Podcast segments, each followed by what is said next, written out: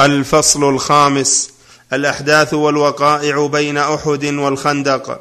المبحث الأول غزوة حمراء الأسد.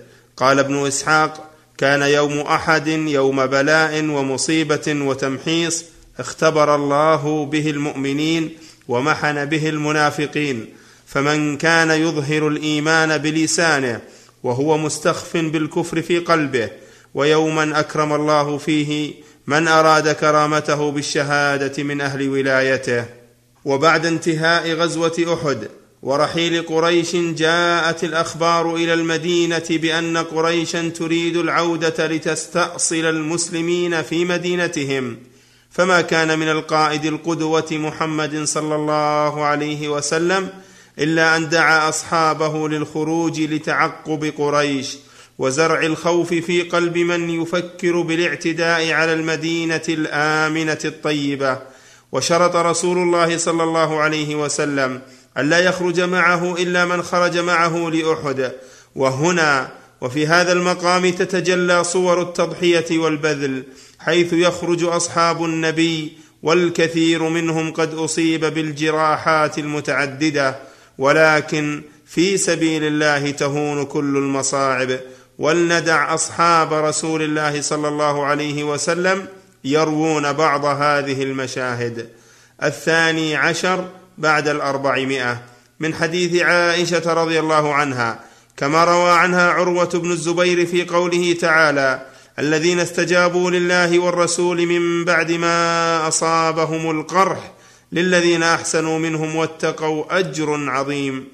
قالت لعروة يا ابن أختي كان أبواك منهم الزبير وأبو بكر لما أصاب رسول الله صلى الله عليه وسلم ما أصاب يوم أحد وانصرف عنه المشركون خاف أن يرجعوا. قال عليه الصلاة والسلام من يذهب في إثرهم؟ فانتدب منهم سبعون رجلا. قال كان فيهم أبو بكر والزبير. وقال ابن كثير عقب ذكر هذا الحديث وهذا السياق غريب جدا فإن المشهور عند أصحاب المغازي أن الذين خرجوا مع رسول الله صلى الله عليه وسلم إلى حمراء الأسد كل من شهد أحدا وكانوا سبعمائة قتل منهم سبعون وبقي الباقون. وقال الشامي والظاهر أنه لا تخالف بين قولي عائشة وأصحاب المغازي لأن معنى قولها فانتدب لها سبعون أنهم سبقوا غيرهم ثم تلاحق الباقون. الثالث عشر بعد الأربعمائة. من حديث ابن عباس رضي الله عنهما قال لما انصرف أبو سفيان والمشركون عن أحد وبلغوا الروحاء قال أبو سفيان لا محمدا قتلتم ولا الكواعب أردفتم شر ما صنعتم. فبلغ ذلك رسول الله صلى الله عليه وسلم. فندب الناس فانتدبوا حتى بلغوا حمراء الأسد أو بئر بني عيينة فأنزل الله عز وجل الذين استجابوا لله والرسول من بعد ما أصابهم القرح.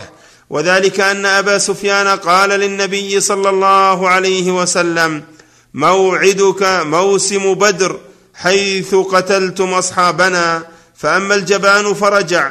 وأما الشجاع فأخذ أهبة القتال والتجارة فأتوه فلم يجدوا به أحدا وتسوقوا فأنزل الله عز وجل فانقلبوا بنعمة من الله وفضل لم يمسسهم سوء. المبحث الثاني آثار غزوة أحد طمع الأعراب والمنافقين واليهود في المسلمين لقد كان لغزوة أحد من الآثار الشيء الكثير إذ انتقض على الإسلام وأهله كثير ممن هادنهم أو مالاهم خوفا منهم. وعلى الرغم مما فعله النبي عليه السلام وأصحابه من الخروج إلى حمراء الأسد وما أظهروه من مظاهر البأس إلا أن ما حدث في أحد جعل الأعراب يتجرؤون ويبداون بمحاولة مهاجمة المدينة والإغارة عليها ونهب أموالها وخيراتها. ولقد جرأت الحادثة أيضا اليهود في المدينة ليظهروا حقدهم الدفين على الإسلام وأهله ويسخرون من المسلمين علانية ويكررون محاولاتهم الغادرة للكيد للإسلام وأهله. ولقد جرأت الحادثة أيضا المنافقين ليظهروا نفاقهم وينبثوا بين صفوف المسلمين يشيعون الشائعات والدسائس محاولين بذلك تمزيق الصف الإسلامي. واحد اغتيال المسلمين لابن سفيان الهذلي لحشده لقتال المسلمين. الرابع عشر بعد الأربعمائة من حديث عبد الله بن أنيس رضي الله عنه قال دعاني رسول الله صلى الله عليه وسلم فقال إنه قد بلغني أن خالد بن سفيان بن نبيح يجمع لي الناس ليغزوني وهو بعرنة فأته فاقتله. قال قلت يا رسول الله انعته حتى أعرفه. قال عليه الصلاة والسلام إذا رأيته وجدت له قشعريرة. قال فخرجت متوشحا بسيفي. حتى وقعت عليه بعرنة مع ضعن يرتاد لهن منزلا وحين كان وقت العصر فلما رأيته وجدت ما وصف لي رسول الله صلى الله عليه وسلم من القشعريرة فأقبلت نحوه وخشيت أن يكون بيني وبينه محاولة تشغلني عن الصلاة فصليت وأنا أمشي نحوه أومئ براسي الركوع والسجود. فلما انتهيت إليه قال من الرجل؟ قلت رجل من العرب سمع بك وبجمعك لهذا الرجل فجاءك لهذا. قال أجل أنا في ذلك. قال فمشيت معه شيئا. حتى إذا أمكنني حملت عليه بالسيف حتى قتلته. ثم خرجت وتركت ضعائنه مكبات عليه. فلما قدمت على رسول الله صلى الله عليه وسلم فرآني فقال أفلح الوجه. قال قلت قتلته يا رسول الله. قال عليه الصلاة والسلام صدقت. قال ثم قام معي رسول الله صلى الله عليه وسلم فدخل في بيته فأعطاني عصا. فقال أمسك هذه عندك يا عبد الله بن أنيس. قال فخرجت بها على الناس. فقالوا ما هذه العصا؟ قال قلت أعطانيها رسول الله صلى الله عليه وسلم. وأمرني أن أمسكها. قالوا أولا ترجع إلى رسول الله صلى الله عليه وسلم فتسأله عن ذلك. قال فرجعت إلى رسول الله صلى الله عليه وسلم فقلت يا رسول الله لم أعطيتني هذه العصا؟ قال آية بيني وبينك يوم القيامة.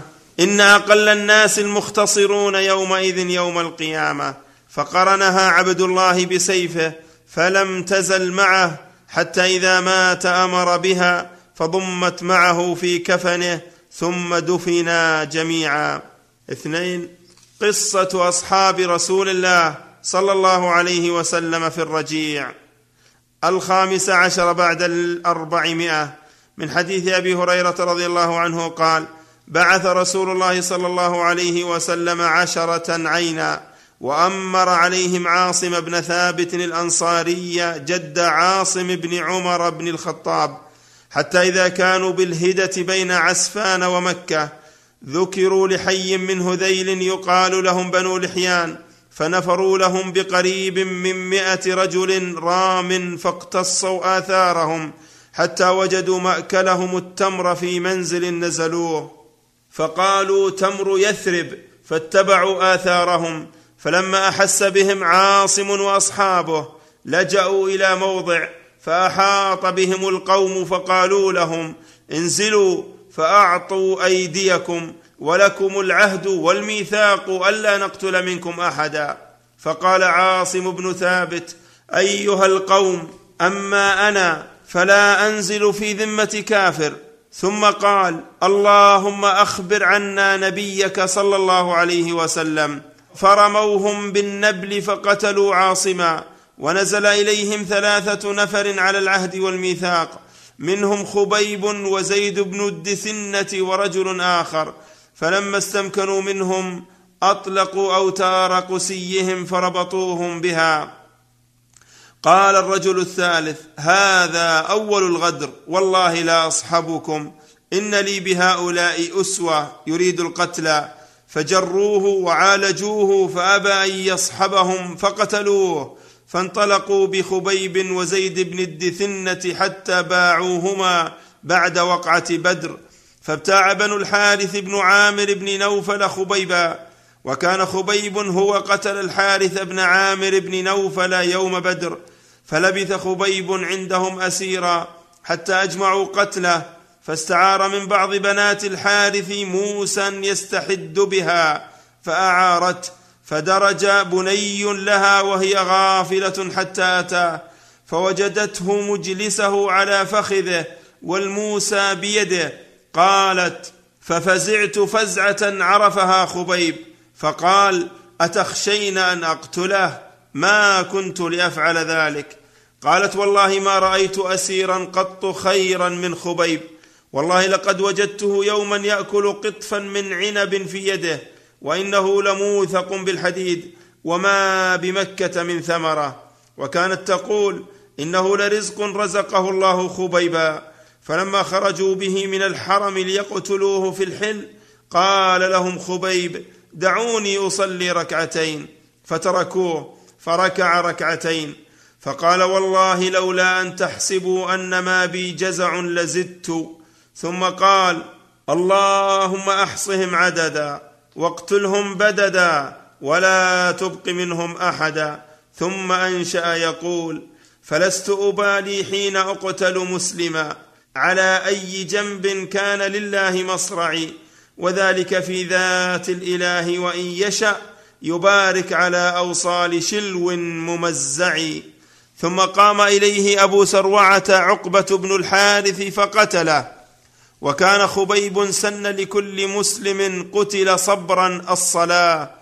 وأخبر يعني النبي صلى الله عليه وسلم أصحابه يوم أصيبوا خبرهم وبعث ناس من قريش إلى عاصم بن ثابت حين حدثوا أنه قتل أن يؤتوا بشيء منه يعرف.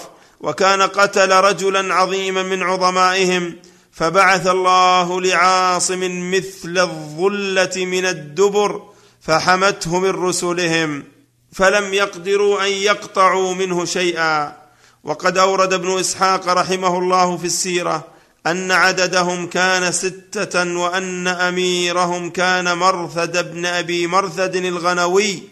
والمقدم عندنا ما في الصحيح أن عددهم كان عشرة وأن أميرهم كان عاصم بن ثابت الأنصاري والله أعلم.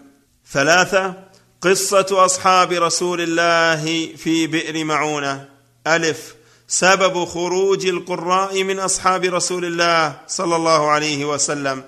السادس عشر بعد الأربعمائة. من حديث أنس رضي الله عنه قال إن رعلا وذكوان وعصية وبني لحيان استمدوا رسول الله صلى الله عليه وسلم على عدو فأمدهم بسبعين من الأنصار كنا نسميهم القراء في زمانهم. كانوا يحتطبون بالنهار ويصلون بالليل حتى كانوا ببئر معونة قتلوهم وغدروا بهم. فبلغ ذلك رسول الله صلى الله عليه وسلم. فقنت شهرا يدعو في الصبح على أحياء من أحياء العرب على رعل وذكوان وعصية وبني لحيان. أخرجه البخاري. باء جوار ملاعب الأسنة لأصحاب رسول الله صلى الله عليه وسلم. السابع عشر بعد الأربعمائة. من حديث كعب بن مالك رضي الله عنه قال جاء ملاعب الأسنة إلى النبي صلى الله عليه وسلم بهدية. فعرض عليه الإسلام فأبى أن يسلم. فقال النبي صلى الله عليه وسلم فإني لا أقبل هدية من مشرك. قال فابعث إلى أهل نجد من شئت فأنا لهم جار. فبعث إليهم بقوم فيهم المنذر بن عمرو وهو الذي يقال له المعتق ليموت أو أعتق عند الموت. فاستجاش عليهم عامر بن الطفيل بني عامر فأبوا أن يطيعوه وأبوا أن يخفروا ملاعب الأسنة فاستجاش عليهم بني سليم فأطاعوه فاتبعهم بقريب من مائه رجل رام فأدركهم ببئر معونة فقتلوهم إلا عمرو بن أمية. الثامن عشر بعد الأربعمائة. من حديث أنس رضي الله عنه قال جاء ناس إلى النبي صلى الله عليه وسلم فقالوا أن ابعث معنا رجالا يعلمونا القرآن والسنة. فبعث إليهم سبعين رجلا من الأنصار يقال لهم القراء فيهم خالي حرام. يقرؤون القرآن ويتدارسون بالليل يتعلمون. وكانوا بالنهار يجيئون بالماء فيضعونه في المسجد ويحتطبون فيبيعونه. ويشترون به الطعام لأهل الصفة وللفقراء فبعثهم النبي صلى الله عليه وسلم إليهم فعرضوا لهم فقتلوهم قبل أن يبلغوا المكان فقالوا اللهم بلغ عنا نبينا أنا قد لقيناك فرضينا عنك ورضيت عنا. قال وأتى رجل حراما خال أنس من خلفه فطعنه برمح حتى أنفذه فقال حرام فزت ورب الكعبة. فقال رسول الله صلى الله عليه وسلم لأصحابه إن إخوانكم قد قتلوا وإنهم قالوا اللهم بلغ عنا نبينا أنا قد لقيناك فرضينا عنك ورضيت عنا. أخرجه مسلم. جيم. قصة عامر بن فهيرة يوم بئر معونة. التاسعة عشر بعد الأربعمائة. من حديث عائشة رضي الله عنها فقتل عامر بن فهيرة يوم بئر معونة وعن أبي أسامة قال قال هشام بن عروة فأخبرني أبي قال لما قتل الذين ببئر معونة وأسر عمرو بن أمية الضمري قال له عامر بن الطفيل من هذا؟ فأشار إلى قتيل فقال له عمرو بن أمية هذا عامر بن فهيرة. فقال لقد رأيته بعدما قتل رفع إلى السماء حتى إني لأنظر إلى السماء بينه وبين الأرض ثم وضع فأتى النبي صلى الله عليه وسلم خبرهم فنعاهم فقال عليه الصلاة والسلام إن أصحابكم قد أصيبوا وإنهم قد سألوا ربهم فقالوا ربنا أخبر عنا إخواننا بما رضينا ورضيت عنا. فأخبرهم عنهم. وأصيب يومئذ عروة بن أسماء بن الصلت فسمي عروة به ومنذر بن عمرو سمي به منذرا. أخرجه البخاري. دال دعاء النبي صلى الله عليه وسلم على قتلة القراء في دعاء القنوت ثم تركه عندما جاءوا تائبين مسلمين. العشرون بعد الأربعمائة. وقد سبق من حديث أنس في سبب خروج القراء من أصحاب النبي صلى الله عليه وسلم. فانظر تخريجه هناك. الحادي والعشرون بعد الأربعمائة. وقد جاء من حديث ابن عباس رضي الله عنهما أنه قال قانت رسول الله صلى الله عليه وسلم شهرا متتابعا في الظهر والعصر والمغرب والعشاء وصلاة الصبح في دبر كل صلاة إذا قال سمع الله لمن حمده من الركعة الأخيرة يدعو على أحياء من بني سليم على رعل وذكوان وعصية ويؤمن من خلفه. أخرجه أبو داود وأحمد. المبحث الثالث غزوة بني النضير. وقت الغزوة. قال الزهري عن عروة كانت على رأس ستة أشهر من وقعة بدر. قبل أحد وجعله ابن إسحاق بعد بئر معونة وأحد وقد وافق ابن إسحاق جل أهل المغازي كما قال الحافظ في الفتح. وقد ذهب إلى تأييد الرأي الثاني ابن القيم رحمه الله في زاد المعاد فقال وزعم محمد بن شهاب الزهري أن غزوة بني النضير كانت بعد بدر بستة أشهر وهذا وهم منه أو غلط عليه. بل الذي لا شك فيه أنها كانت بعد أحد والتي كانت بعد بدر بستة أشهر هي غزوة بني. بني قينقاع وقريضة بعد الخندق وخيبر بعد الحديبية وكان له مع اليهود أربع غزوات أولها غزوة بني قينقاع بعد بدر والثانية بني النضير بعد أحد والثالثة قريضة بعد الخندق والرابعة خيبر بعد الحديبية انتهى. وقد ذهب ابن حزم في جوامع السير هذا المذهب قبل ابن القيم والله أعلم. سبب نزول سورة الحشر. الثاني والعشرون بعد الأربعمائة. من حديث ابن عباس رضي الله عنهما قال قال سعيد بن جبير قلت لابن عباس سورة التوبة. قال التوبة هي الفاضحة. ما زالت تنزل حتى ظنوا أنها لم تبق أحدا منهم إلا ذكر فيها. قال قلت سورة الأنفال. قال نزلت في بدر. قال سورة الحشر. قال نزلت في بني النضير. أخرجه البخاري ومسلم. غدرهم بالنبي صلى الله عليه وسلم ومحاولة قتله. الثالث والعشرون بعد الأربعمائة. سبب غزوة بني النضير. عن رجل من أصحاب النبي صلى الله عليه وسلم أن كفار قريش كتبوا إلى عبد الله بن أبي بن سلول ومن كان يعبد الأوثان من الأوس والخزرج ورسول الله صلى الله عليه وسلم يومئذ بالمدينة قبل وقعة بدر يقولون إنكم آويتم صاحبنا وإنكم أكثر أهل المدينة عددا وإنا نقسم بالله لتقتلنه أو لتخرجنه أو لنستعن عليكم العرب ثم لنسيرن إليكم باجمعنا حتى نقتل مقاتلتكم ونستبيح نساءكم. فلما بلغ ذلك ابن أبي ومن معه من عبدة الأوثان تراسلوا فاجتمعوا وأرسلوا وأجمعوا لقتال النبي صلى الله عليه وسلم وأصحابه. فلما بلغ ذلك النبي صلى الله عليه وسلم فلقيهم في جماعة. فقال لقد بلغ وعيد قريش منكم المبالغ. ما كانت لتكيدكم بأكثر مما تريدون أن تكيدوا به أنفسكم. فأنتم هؤلاء تريدون أن تقتلوا أبناءكم وإخوانكم. فلما سمعوا ذلك من النبي صلى الله عليه وسلم تفرقوا. فبلغ ذلك كفار قريش وكانت وقعة بدر. فكتبت كفار قريش بعد وقعة بدر إلى اليهود. إنكم أهل الحلقة والحصون وإنكم لتقاتلن صاحبنا أو لنفعلن كذا وكذا ولا يحول بيننا وبين خدم نسائكم شيء وهو الخلاخل فلما بلغ كتابهم اليهود أجمعت بنو النضير على الغدر فأرسلت إلى النبي صلى الله عليه وسلم اخرج إلينا في ثلاثين رجلا من أصحابك ولنخرج في ثلاثين حبرا حتى نلتقي في مكان كذا نصف بيننا وبينكم.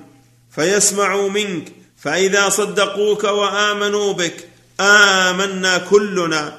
فخرج النبي صلى الله عليه وسلم في ثلاثين من أصحابه وخرج إليه ثلاثون حبرا من يهود. حتى إذا برزوا في براز الأرض قال بعض اليهود لبعض كيف تخلصون إليه ومعه ثلاثون رجلا من أصحابه؟ كلهم يحب أن يموت قبله فأرسلوا إليه كيف تفهم ونفهم؟ ونحن ستون رجلا اخرج في ثلاثة من أصحابك ويخرج إليك ثلاثة من علمائنا فليسمعوا منك. فإن آمنوا بك آمنا كلنا وصدقناك. فخرج النبي صلى الله عليه وسلم في ثلاثة نفر من أصحابه واشتملوا على الخناجر وأرادوا الفتك برسول الله صلى الله عليه وسلم فأرسلت امرأة ناصحة من بني النضير إلى بني أخيها وهو رجل مسلم من الأنصار فأخبرته خبر ما أرادت بنو النضير من الغدر برسول الله صلى الله عليه وسلم فأقبل أخوها سريعا حتى أدرك النبي صلى الله عليه وسلم فساره بخبرهم قبل أن يصل النبي صلى الله عليه وسلم إليهم. فرجع النبي صلى الله عليه وسلم فلما كان من الغد غدا عليهم رسول الله صلى الله عليه وسلم بالكتاب فحاصرهم وقال لهم إنكم لا تأمنون عندي إلا بعهد تعاهدوني عليه فأبوا أن يعطوه عهدا فقاتلهم يومهم ذلك هو والمسلمون. ثم غدا الغد على بني قريظة بالخيل والكتائب وترك بني النضير ودعاهم إلى أن يعاهدوه فعاهدوه فانصرف عنهم وغدا إلى بني النضير بالكتائب فقاتلهم حتى نزلوا على الجلاء وعلى أن لهم ما أقلت الإبل إلا الحلقة والحلقة السلاح. فجاءت بنو النضير واحتملوا ما أقلت إبل من أمتعتهم وأبواب بيوتهم وخشبها فكانوا يخربون بيوتهم فيهدمونها فيحملون ما وافقهم من خشبها وكان جلاؤهم ذلك أول حشر الناس إلى الشام. وكان بنو النضير من سبط من أسباط بني إسرائيل لم يصبهم جلاء منذ كتب الله على بني إسرائيل الجلاء.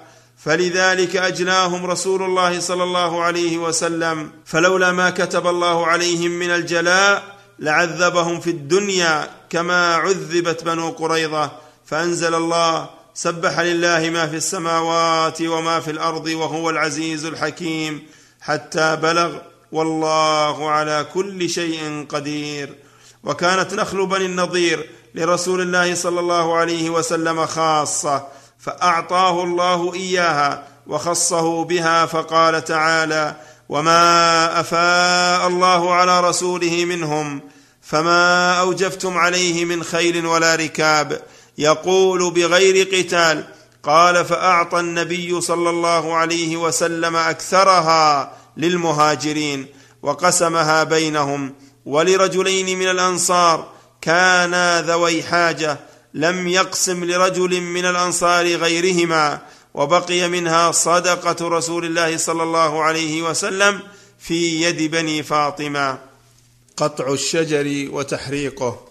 الرابع والعشرون بعد الأربعمائة من حديث ابن عمر رضي الله عنهما أنه قال حرق رسول الله صلى الله عليه وسلم نخل بني النضير وقطع وهي البويرة فنزلت ما قطعتم من لينة أو تركتموها قائمة على أصولها فبإذن الله. وفي لفظ آخر له أن النبي صلى الله عليه وسلم حرق نخل بني النضير قال ولها يقول حسان بن ثابت وهان على سرات بني لؤي حريق بالبويرة مستطير. قال فأجابه أبو سفيان بن الحارث أدام الله ذلك من صنيع وحرق في نواحيها السعير ستعلم أينا منها بنزه وتعلم أي أرضينا تضير. الخامس والعشرون بعد الأربعمائة. من حديث عائشة رضي الله عنها قالت كانت غزوة بني النضير وهم طائفة من اليهود على رأس ستة أشهر من غزوة بدر وكان منزلهم ونخلهم بناحية المدينة فحاصرهم رسول الله صلى الله عليه وسلم حتى نزلوا على الجلا وعلى أن لهم ما أقلت الإبل والأمتعة والأموال إلا الحلقة يعني السلاح فأنزل الله فيهم سبح لله ما في السماوات وما في الأرض إلى قوله لأول الحشر ما ظننتم أن يخرجوا فقاتلهم النبي صلى الله عليه وسلم حتى صالحهم على الجلاء فأخلاهم إلى الشام وكانوا من سبط لم يصبهم جلاء فيما خلا وكان الله قد كتب عليهم ذلك ولولا ذلك لعذبهم في الدنيا بالقتل والسبي. وأما قوله لأول الحشر فكان ذلك أول حشر في الدنيا إلى الشام. والناظر في حديث عائشة رضي الله عنها يرى أنه مؤيد للرأي القائل أن غزوة بني النضير كانت بعد بدر بستة أشهر كما قال الزهري رحمه الله وهو في سند حديث عائشة. فالجواب عنه ما قال ابن القيم رحمه الله تعالى في ذلك من الخطأ في النقل عن الزهري أو هو وهم من الزهري رحمه الله والله أعلم. المبحث الرابع غزوة بدر الثانية. السادس والعشرون بعد الأربعمائة. من حديث ابن عباس رضي الله عنهما قال لما انصرف أبو سفيان والمشركون عن أحد وبلغوا الروحاء قال أبو سفيان لا محمد قتلتم ولا الكواعب أردفتم شر ما صنعتم فبلغ ذلك رسول الله صلى الله عليه وسلم فندب الناس فانتدبوا حتى بلغوا حمراء الأسد أو بئر بني عيينة فأنزل الله عز وجل الذين استجابوا لله والرسول من بعد ما أصابهم القرح.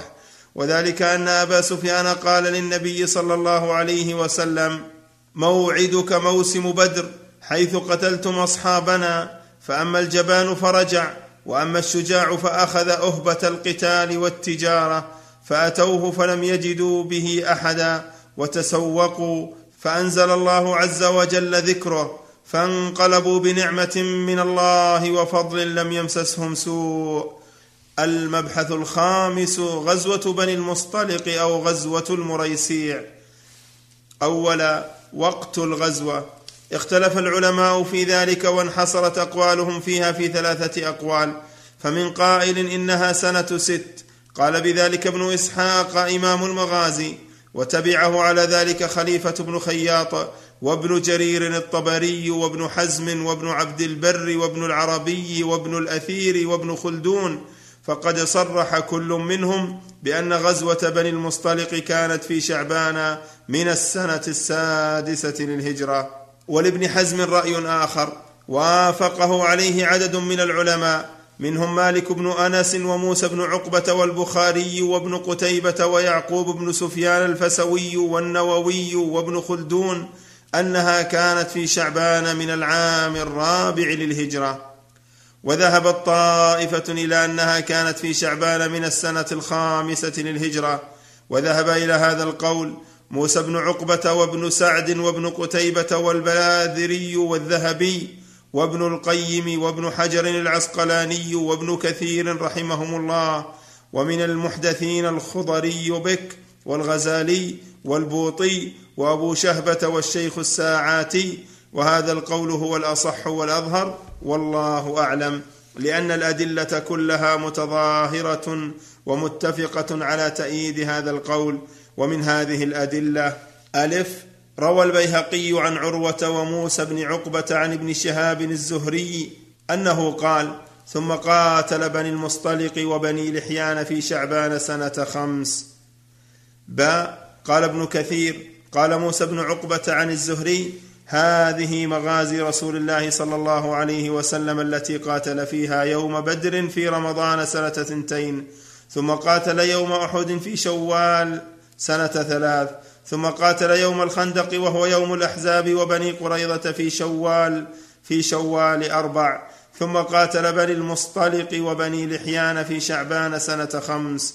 ثم أورد ابن كثير قول البخاري عن موسى بن عقبة أنها سنة أربع وعقب عليه بقوله هكذا رواه البخاري عن مغازي موسى بن عقبة أنها سنة أربع والذي حكاه موسى بن عقبة عن الزهري وعن عروة أنها كانت في شعبان سنة خمس وعقب ابن حجر العسقلاني في فتح الباري على قول البخاري وقال موسى بن عقبة سنة أربع بقوله كذا ذكره البخاري وكأنه سبق قلم أراد أن يكتب سنة خمس فكتب سنة أربع والذي في مغازي موسى بن عقبة من عدة طرق أخرجها الحاكم وأبو سعيد النيسابوري والبيهقي في الدلائل وغيرهم سنة خمس. ولفظه عن موسى بن عقبة عن ابن شهاب ثم قاتل رسول الله صلى الله عليه وسلم بني المصطلق وبني لحيان في شعبان سنة خمس. ويؤيده ما أخرجه البخاري في الجهاد عن ابن عمر أنه غزا مع النبي صلى الله عليه وسلم بني المصطلق في شعبان سنة أربع ولم يؤذن له في القتال لأنه إنما أذن له فيه في الخندق كما تقدم. وهي بعد شعبان سواء قلنا أنها كانت سنة خمس أو سنة أربع. وقال الحاكم في الإكليل قول عروة وغيره إنها كانت في سنة خمس أشبه من قول ابن إسحاق. قلت ويؤيده ما ثبت في حديث الإفك أن سعد بن معاذ تنازع هو وسعد بن عبادة في أصحاب الإفك كما سيأتي. فلو كانت المريسيع في شعبان سنة ست مع كون الإفك كان فيها لكان ما وقع في الصحيح من ذكره سعد بن معاذ غلطا لأن سعد بن معاذ مات أيام قريضة وكانت سنة خمس على الصحيح كما تقدم تقريره وإن كانت كما قيل سنة أربع. فيظهر أن المريسيع كانت سنة خمس في شعبان لتكون قد وقعت قبل الخندق لأن الخندق كانت في شوال من سنة خمس أيضا فتكون بعدها. فيكون سعد بن معاذ موجودا في المريسيع ورمي بعد ذلك بسهم ومات من جراحته في قريضه ويؤيده أيضا أن حديث الإفك كان سنة خمس إذ الحديث فيه التصريح بأن القصة وقعت بعد نزول الحجاب والحجاب كان في ذي القعدة سنة أربع عند جماعة فيكون المريسيع بعد ذلك فيرجح أنها سنة خمس. ثانيا سبب غزوهم. كان لذلك أسباب عدة منها. واحد تأييد هذه القبيلة لقريش وتكتلها معها في معركة أحد ضد المسلمين. وذلك ضمن كتلة الأحابيش التي كانت في الجيش المكي. اثنان سيطرة هذه القبيلة على الخط الرئيسي المؤدي إلى مكة فكانت حاجزا منيعا من نفوذ المسلمين إلى مكة. ثلاثة من أهم الأسباب في هذه الغزوة أن قبيلة بني المصطلق أخذت تجمع الجموع لغزو المدينة المنورة وقد أطمعها في التفكير في غزو المدينة والتصميم على ذلك انتصار المشركين في غزوة أحد.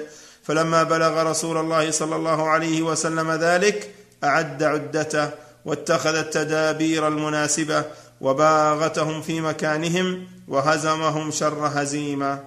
السابع والعشرون بعد الأربعمائة قال ابن إسحاق حدثني عاصم بن عمر بن قتادة وعبد الله بن أبي بكر ومحمد بن يحيى بن حبان كل قد حدثني ببعض حديث بني المصطلق. قال بلغ رسول الله صلى الله عليه وسلم أن بني المصطلق يجمعون له فذكر الحديث. الثامن والعشرون بعد الأربعمائة. من حديث نافع عن ابن عمر رضي الله عنهما أن ابن عون قال كتبت إلى نافع فكتب إلي أن النبي صلى الله عليه وسلم أغار على بني المصطلق وهم غارون وأنعامهم تسقي على الماء فقتل مقاتلتهم وسبى ذراريهم وأصاب يومئذ جويرية. حدثني به ابن عمر وكان في ذلك الجيش. لفظ البخاري. وفي لفظ مسلم قال ابن عون كتبت إلى نافع أسأله عن الدعاء قبل القتال. قال فكتب إلي إنما كان ذلك في أول الإسلام. قد أغار رسول الله صلى الله عليه وسلم على بني المصطلق وهم غارون وأنعامهم تسقى على الماء فقتل مقاتلتهم وسبى سبيهم الحديث فذكر بقية الحديث أخرجه البخاري.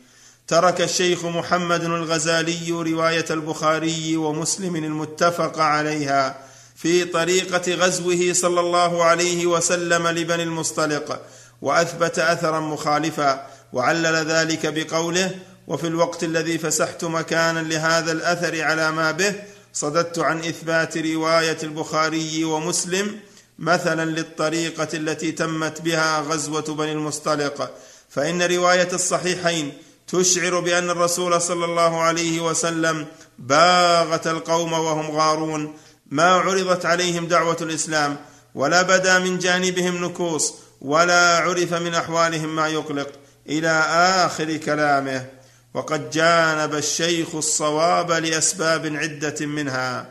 واحد صحة حديث ابن عمر وصراحته في ذلك وهو ثابت في الصحاح والسنن والمسانيد وغيرها. فلا يرده رأي يراه أي إنسان أو قول يحب أن ينصره. اثنان صرح كثير من العلماء بأن من بلغته الدعوة العامة إلى الإسلام وقربت داره أو حاول النيل من المسلمين أنه يجوز مباغتته على غره. ثلاثة أن المستند الذي استند عليه الشيخ الغزالي حفظه الله لم تثبت صحته في أثناء ذكره لسياق حديث غزوة بني المصطلق وهو لا يقاوم الحديث الصحيح المسند المتفق على صحته.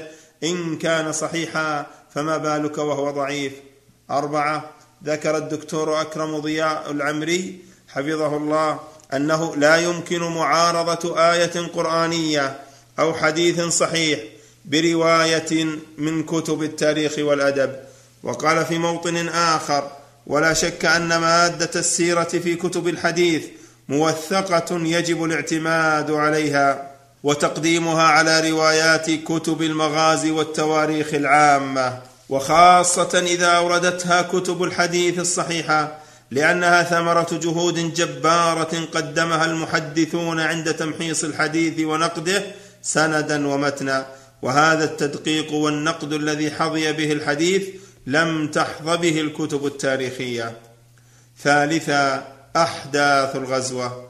التاسع والعشرون بعد الأربعمائة. وعن محمد بن إسحاق قال حدثني عاصم بن عمر بن قتادة وعبد الله بن أبي بكر ومحمد بن يحيى. ابن حبان كل قد حدثني ببعض حديث بني المصطلق قال بلغ رسول الله صلى الله عليه وسلم أن بني المصطلق يجمعون له. وقائدهم الحارث بن أبي ضرار أبو جويرية بنت الحارث زوج رسول الله صلى الله عليه وسلم. فلما سمع بهم رسول الله صلى الله عليه وسلم خرج إليهم. حتى لقيهم على ماء لهم يقال له المريسيع من ناحية قديد إلى الساحل. فتزاحف الناس واقتتلوا فهزم الله بني المصطلق. وقتل الحارث بن أبي ضرار أبا جويرية. وقتل من قتل منهم ونفل رسول الله صلى الله عليه وسلم ونفل رسول الله صلى الله عليه وسلم أبناءهم ونساءهم وأموالهم. وكان رسول الله صلى الله عليه وسلم أصاب منهم سبيا كثيرا قسمه بين المسلمين. وكان فيما أصاب يومئذ جويرية بنت أبي ضرار سيدة قومها. وقد أصيب رجل من المسلمين من بني كلب بن عوف بن عامر بن ليث بن أبي بكر يقال له هشام بن صبابة أصابه رجل من الأنصار من رهط عبادة بن الصامت وهو يرى أنه من العدو فقتله خطأ. وقد وفد مقيس بن صبابة من مكة مسلما فيما يظهر فقال يا رسول الله جئتك مسلما وجئت أطلب دية أخي قتل خطأ. فأمر له رسول الله صلى الله عليه وسلم بدية أخيه هشام بن صبابة فأقام عند رسول الله صلى الله عليه وسلم غير كثير ثم عدا على قاتل أخيه فقتله ثم خرج إلى مكة مرتدا وأصيب من بني المصطلق يومئذ الناس وقتل علي بن أبي طالب منهم رجلين مالكا وابنه وقتل عبد الرحمن بن عوف رجلا من فرسانهم يقال له أحمر أو أحيمر. وليس بين هذا الحديث وبين حديث ابن عمر في الصحيح تعارض. فقد جمع ابن حجر رحمه الله بينهما بقوله ويحتمل أن يكون لما دهم المسلمون بني المصطلق وهم على الماء ثبتوا قليلا وقاتلوا ولكن وقعت الغلبة عليهم. رابعا شعار المسلمين في غزوة بني المصطلق. الثلاثون بعد الأربعمائة. من حديث سنان بن وبرة قال كنا مع رسول الله صلى الله عليه وسلم في غزوة المريسيع غزوة بني المصطلق فكان شعارهم يا منصور أمت أمت. خامسا قصة جويرية بنت الحارث وزواج النبي عليه السلام بها. الحادي والثلاثون بعد الأربعمائة.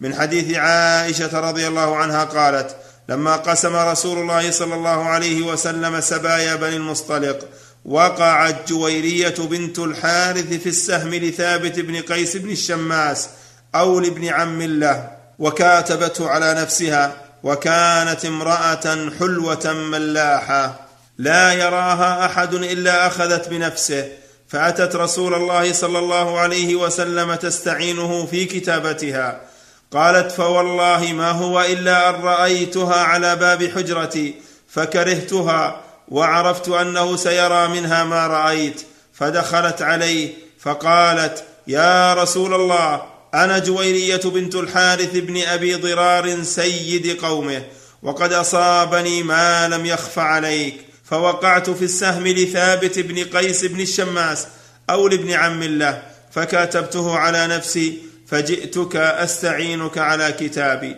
قال عليه الصلاة والسلام فهل لك خير من ذلك؟ قالت وما هو يا رسول الله؟ قال عليه الصلاة والسلام أقضي كتابتك وأتزوجك. قالت نعم يا رسول الله. قال عليه الصلاة والسلام قد فعلت. قالت وخرج الخبر إلى الناس أن رسول الله صلى الله عليه وسلم تزوج جويرية بنت الحارث فقال الناس أصهار رسول الله صلى الله عليه وسلم فأرسلوا ما بأيديهم. قالت فلقد أعتق بتزويجه إياها مائه أهل بيت من بني المصطلق فما أعلم امرأة أعظم بركة على قومها منها. أخرجه أحمد. سادسا محاولة المنافقين إثارة الفتنة بين المسلمين في هذه الغزوة. الثاني والثلاثون بعد الأربعمائة. من حديث جابر بن عبد الله قال كنا مع النبي صلى الله عليه وسلم في غزوة قال يرون أنها غزوة بني المصطلق فكسع رجل من المهاجرين رجلا من الأنصار أي ضرب دبره بيد أو برجل أو بسيف. فقال الأنصاري يا للأنصار وقال المهاجري يا للمهاجرين. فسمع ذاك رسول الله صلى الله عليه وسلم فقال ما بال دعوى جاهلية؟ قالوا يا رسول الله كسع رجل من المهاجرين رجلا من الأنصار. فقال عليه الصلاة والسلام دعوها فإنها منتنة. فسمع بذلك عبد الله بن أبي فقال فعلوها أما والله لئن رجعنا إلى المدينة؟ ليخرجن الأعز منها الأذل فبلغ ذلك رسول الله صلى الله عليه وسلم. فقام عمر فقال يا رسول الله دعني أضرب عنق هذا المنافق. فقال النبي صلى الله عليه وسلم دعه لا يتحدث الناس أن محمدا يقتل أصحابه. وكانت الأنصار أكثر من المهاجرين حين قدموا المدينة. ثم إن المهاجرين كثروا بعد. أخرجه البخاري ومسلم. قول زعيم المنافقين لا تنفقوا على من عند رسول الله. ونقل زيد بن أرقم ذلك إلى النبي صلى الله عليه وسلم. الثالث والثلاثون بعد الأربعمائة. من حديث زيد بن أرقم رضي الله عنه قال خرجنا مع النبي صلى الله عليه وسلم في سفر أصاب الناس فيه شدة. فقال عبد الله بن أبي لأصحابه لا تنفقوا على من عند رسول الله حتى ينفضوا من حوله. وقال لئن رجعنا إلى المدينة ليخرجن الأعز منها الأذل. فأتيت النبي صلى الله عليه وسلم فأخبرته فأرسل إلى عبد الله بن أبي فسأله فاجتهد يمينه ما فعل. قالوا كذب زيد رسول الله صلى الله عليه وسلم. فوقع في نفسي مما قالوا شدة حتى أنزل الله عز وجل تصديقي في قوله إذا جاءك المنافقون. فبعث إلي النبي صلى الله عليه وسلم فقرأ فقال إن الله قد صدقك يا زيد. أخرجه البخاري ومسلم. كيف عالج رسول الله عليه الصلاة والسلام الموقف؟ الرابع والثلاثون بعد الأربعمائة. من طريق محمد بن إسحاق قال حدثني عاصم بن عمر بن قتادة وعبد الله بن أبي بكر ومحمد بن يحيى بن حبان. كل قد حدثني حديث بني المصطلق وساق الحديث وذكر قصة الأنصار والمهاجرين والخصومة بينهما إلى أن قال فغضب عبد الله بن أبي بن سلول وعنده رهط من قومه فيهم زيد بن أرقم غلام حدث فقال أو قد فعلوها؟ قد نافرونا وكاثرونا في بلادنا والله ما أعدنا وجلابيب قريش إلا كما قال الأول سم كلبك يأكلك أما والله لئن رجعنا إلى المدينة ليخرجن الأعز منها الأذل. ثم أقبل على من حضره من قومه فقال لهم هذا ما فعلتم بأنفسكم أحللتموهم بلادكم وقاسمتموهم أموالكم أما والله لو أمسكتم عنهم ما بأيديكم لتحولوا إلى غير بلادكم. فسمع ذلك زيد بن أرقم فمشى به إلى رسول الله صلى الله عليه وسلم وذلك عند فراغ رسول الله صلى الله عليه وسلم من عدوه. فأخبره الخبر وعنده عمر بن الخطاب فقال مر به عباد بن بشر فليقتله فقال له رسول الله صلى الله عليه وسلم فكيف يا عمر؟ إذا تحدث الناس أن محمدا يقتل أصحابه لا ولكن أذن بالرحيل. وذلك في ساعة لم يكن رسول الله صلى الله عليه وسلم يرتحل فيها. فارتحل الناس وقد مشى عبد الله بن أبي بن سلول إلى رسول الله صلى الله عليه وسلم حين بلغه أن زيد بن أرقم قد بلغه ما سمع منه. فحلف بالله ما قلت ما قال. ولا تكلمت به وكان في قومه شريفا عظيما. فقال من حضر رسول الله صلى الله عليه وسلم من الأنصار من أصحابه يا رسول الله عسى أن يكون الغلام قد أوهم في حديثه ولم يحفظ ما قال الرجل حدبا على ابن أبي بن سلول ودفعا عنه. فلما استقل رسول الله صلى الله عليه وسلم وسار لقيه سيد بن حضير فحياه بتحية النبوة وسلم عليه ثم قال يا نبي الله والله لقد رحت في ساعة منكرة ما كنت تروح في مثلها؟ فقال له رسول الله صلى الله عليه وسلم أو ما بلغك ما قال صاحبكم؟ قال وأي صاحب يا رسول الله؟ قال عبد الله بن أبي. قال وما قال؟ قال زعم أنه إن رجع إلى المدينة ليخرجن الأعز منها الأذل. قال فأنت يا رسول الله والله تخرجه منها إن شئت. هو والله الذليل وأنت العزيز. ثم قال يا رسول الله ارفق به فوالله لقد جاءنا الله بك. وإن قومه لينظمون له الخرز ليتوجوه فإنه ليرى إنك قد استلبته ملكا. ثم مشى رسول الله صلى الله عليه وسلم بالناس يومهم ذلك حتى أمسى. وليلتهم حتى أصبح وصدر يومهم ذلك حتى آذتهم الشمس ثم نزل بالناس. فلم يلبثوا أن وجدوا مس الأرض فوقعوا نياما وإنما فعل ذلك رسول الله صلى الله عليه وسلم ليشتغل الناس عن الحديث الذي كان بالأمس من حديث عبد الله بن أبي إلى أن قال وجعل بعد ذلك إذا أحدث الحدث كان قومه هم الذين يعاتبونه ويأخذونه ويعنفونه. فقال رسول الله صلى الله عليه وسلم لعمر بن الخطاب حين بلغه ذلك من شأنهم كيف ترى يا عمر؟ أما والله لو قتلته يوم قلت لي اقتله لأرعدت له أنف لو أمرتها اليوم بقتله لقتلت قال قال عمر قد والله علمت لأمر رسول الله صلى الله عليه وسلم أعظم بركة من أمري. موقف عبد الله بن عبد الله بن أبي من أبيه الخامس والثلاثون بعد الأربعمائة من رواية الترمذي لحديث جابر السابق الذكر عن غزوة بني المصطلق ومحاولة المنافقين إثارة الفتنة زيادة لطيفة ليست عند البخاري ومسلم.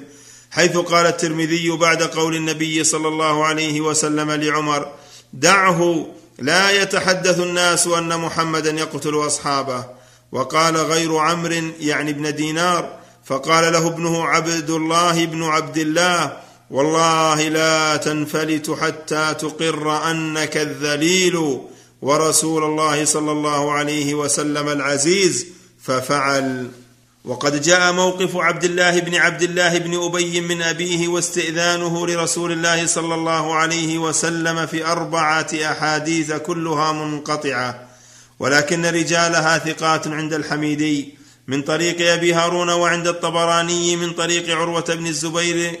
قال فيه الهيثمي رجاله رجال الصحيح ومن طريق عاصم بن عمر بن قتادة عند ابن جرير الطبري وابن هشام في السيرة.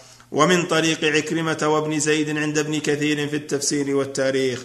ولكن مجموع هذه الطرق يؤيد بعضها بعضا وترتقي إلى درجة الحسن لغيره ويقويها رواية الترمذي السابقة الذكر.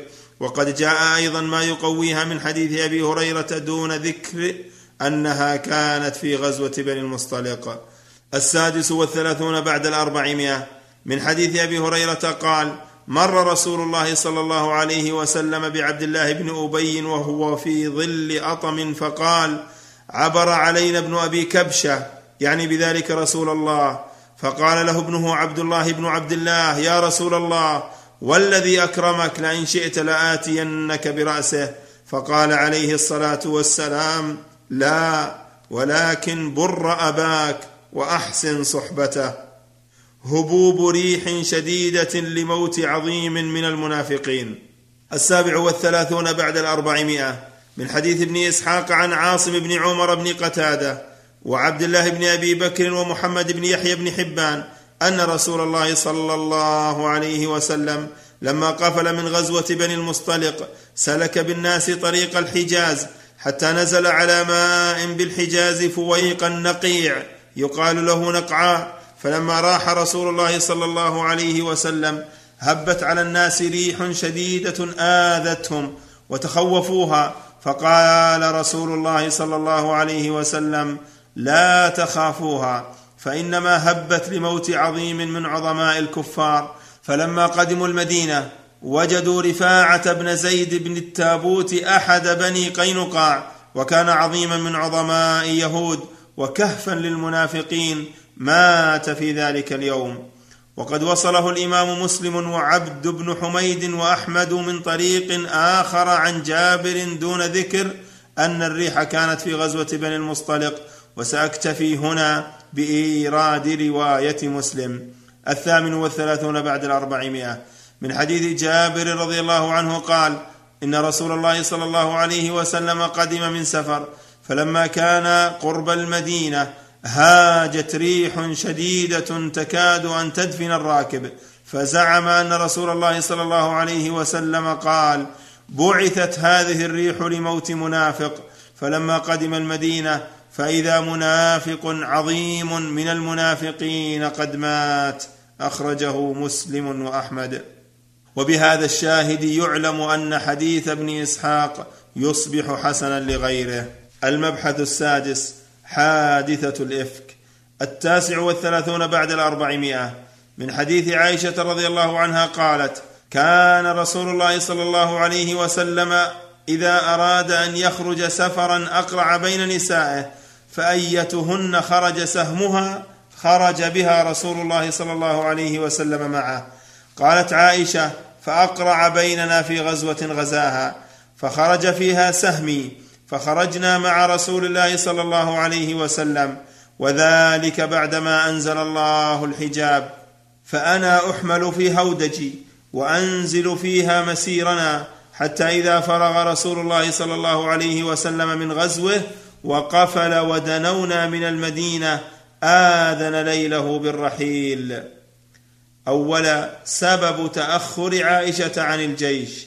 فقمت حين آذنوا بالرحيل فمشيت حتى جاوزت الجيش فلما قضيت من شأني أقبلت إلى الرحل فلمست صدري فإذا عقدي من جزع ظفار قد انقطع فرجعت فالتمست عقدي فحبسني ابتغاؤه وأقبل الرهط الذين كانوا يرحلون لي فحملوا هودجي فرحلوه على بعير الذي كنت أركب وهم يحسبون أني فيه قالت وكان النساء إذ ذاك خفافا لم يهبلن أي لم يكثر عليهن اللحم والشحم ولم يغشهن اللحم إنما يأكلن العلقة من الطعام فلم يستنكر القوم ثقل الهودج حتى رحلوه ورفعوه. وكنت جارية حديثة السن فبعثوا الجمل وساروا ووجدت عقدي بعدما استمر الجيش فجئت منازلهم وليس بها داع ولا مجيب. فتيممت منزلي الذي كنت فيه وظننت أن القوم سيفقدوني فيرجعون إلي فبينما أنا جالسة في منزلي غلبتني عيني فنمت وكان صفوان بن المعطل السلمي ثم الذكراني قد عرس من وراء الجيش فأدلج فأصبح عند منزلي فرأى سواد إنسان نائم فأتاني فعرفني حين رآني وقد كان يراني قبل أن يضرب الحجاب علي فاستيقظت باسترجاعه حين عرفني فخمرت وجهي بجلبابي والله ما يكلمني كلمة ولا سمعت منه كلمة غير استرجاعه حتى أناخ راحلته فوطئ على يدها فركبتها فانطلق يقود بي الراحلة حتى أتينا الجيش بعدما نزلوا موغرين في نحر الظهيرة. فهلك من هلك في شأني وكان الذي تولى كبره عبد الله بن أبي بن سلول. وكان الذي تولى كبره عبد الله بن أبي بن سلول. ثانيا انتشار الإفك في المدينة. فقدمنا المدينة فاشتكيت حين قدمنا المدينة شهرا والناس يفيضون في قول أهل الإفك ولا أشعر بشيء من ذلك وهو يريبني في وجعي. أني لا أعرف من رسول الله صلى الله عليه وسلم اللطف الذي كنت أرى منه حين أشتكي. إنما يدخل رسول الله صلى الله عليه وسلم فيسلم ثم يقول كيف تيكم؟ فذاك يريبني ولا أشعر بالشر حتى خرجت بعدما نقهت وخرجت معي أم مصطح قبل المناصع وهو متبرزنا ولا نخرج إلا ليلا إلى ليل وذلك قبل أن نتخذ الكنف قريبا من بيوتنا وأمرنا أمر العرب الأول في التنزه وكنا نتأذى بالكنف أن نتخذها عند بيوتنا. فانطلقت أنا وأم مصطح وهي بنت أبي رهم بن المطلب بن عبد مناف وأمها ابنة صخر بن عامر خالة أبي بكر الصديق وابنها مصطح بن أثاثة بن عباد بن المطلب. فأقبلت أنا وبنت أبي رهم قبل بيتي حين فرغنا من شأننا فعثرت أم مصطح في مرطها فقالت تعس مصطح. فقلت لها أتسبين رجلا قد شهد بدرا؟ قالت آهنتاه ألم تسمعي ما قال؟ قلت وماذا قال؟ قالت فأخبرتني بقول أهل الإفك فازددت مرضا إلى مرضي. فلما رجعت إلى بيتي فدخل علي رسول الله صلى الله عليه وسلم ثم قال كيف تيكم؟ قلت وتاذن لي أن آتي أبوي؟ قالت وأنا حينئذ أريد أن أتيقن الخبر من قبلهما. فأذن لي رسول الله صلى الله عليه وسلم. فجئت أبوي فقلت لأمي يا أمتاه ما يتحدث الناس؟ فقالت يا بنيه هوني عليك. فوالله لقلما كانت امرأة قط وضيئة عند رجل يحبها ولها ضرائر إلا كثرن عليها. قالت قلت سبحان الله وقد تحدث الناس بهذا. قالت فبكيت تلك الليلة حتى أصبحت لا يرقأ لي دمع ولا أكتحل بنوم ثم أصبحت أبكي. ثالثا استشارة رسول الله صلى الله عليه وسلم بعض أصحابه عند تأخر الوحي. ودعا رسول الله صلى الله عليه وسلم علي بن أبي طالب وأسامة بن زيد حين استلبث الوحي يستشيرهما في فراق أهله. قالت فأما أسامة فأشار على رسول الله صلى الله عليه وسلم بالذي يعلم من براءة أهله. وبالذي يعلم في نفسه لهم من الود فقال يا رسول الله هم أهلك ولا نعلم إلا خيرا. وأما علي بن أبي طالب فقال لم يضيق الله عليك في النساء كثيرا وإن تسأل الجارية تصدك. فدعا رسول الله صلى الله عليه وسلم بريرة فقال أي بريرة هل رأيت من شأن يريبك من عائشة؟ قالت له بريرة والذي بعثك بالحق إن رأيت عليها امرا قط أغمصه عليها. أكثر من أنها جارية حديثة السن تنام عن عجين أهلها فتأتي الداجن فتأكله. قالت فقام رسول الله صلى الله عليه وسلم على المنبر فاستعذر من عبد الله بن أبي بن سلول. قالت فقال رسول الله صلى الله عليه وسلم وهو على المنبر يا معشر المسلمين من يعذرني من رجل قد بلغ أذاه في أهل بيتي فوالله ما علمت على أهلي إلا خيرا ولقد ذكروا رجلا ما علمت عليه إلا خيرا وما كان يدخل على أهلي إلا معي. فقام سعد بن معاذ الأنصاري فقال أنا أعذرك منه يا رسول الله. إن كان من الأوس ضربنا عنقه وإن كان من إخواننا الخزرج أمرتنا فعلنا أمرك. رابعا آثار فتنة الإفك. قالت فقام سعد بن عبادة وهو سيد الخزرج وكان رجلا صالحا ولكن اجتهلته الحمية. فقال لسعد بن معاذ كذبت لعمر الله لا تقتله. لا تقتله ولا تقدر على قتله. فقام أسيد بن حضير وهو ابن عم سعد بن معاذ فقال لسعد بن عبادة كذبت لعمر الله لنقتلنه فإنك منافق تجادل عن المنافقين. فثار الحيان الأوس والخزرج حتى هموا أن يقتتلوا. ورسول الله صلى الله عليه وسلم قائم على المنبر. فلم يزل رسول الله صلى الله عليه وسلم يخفضهم حتى سكتوا وسكت. قالت وبكيت يومي ذلك. لا يرقأ لي دمع ولا أكتحل بنوم. ثم بكيت ليلة المقبله لا يرقأ لي دمع ولا أكتحل بنوم. وأبواي يظنان أن البكاء فالق كبدي. فبينما هما جالسان عندي وأنا أبكي.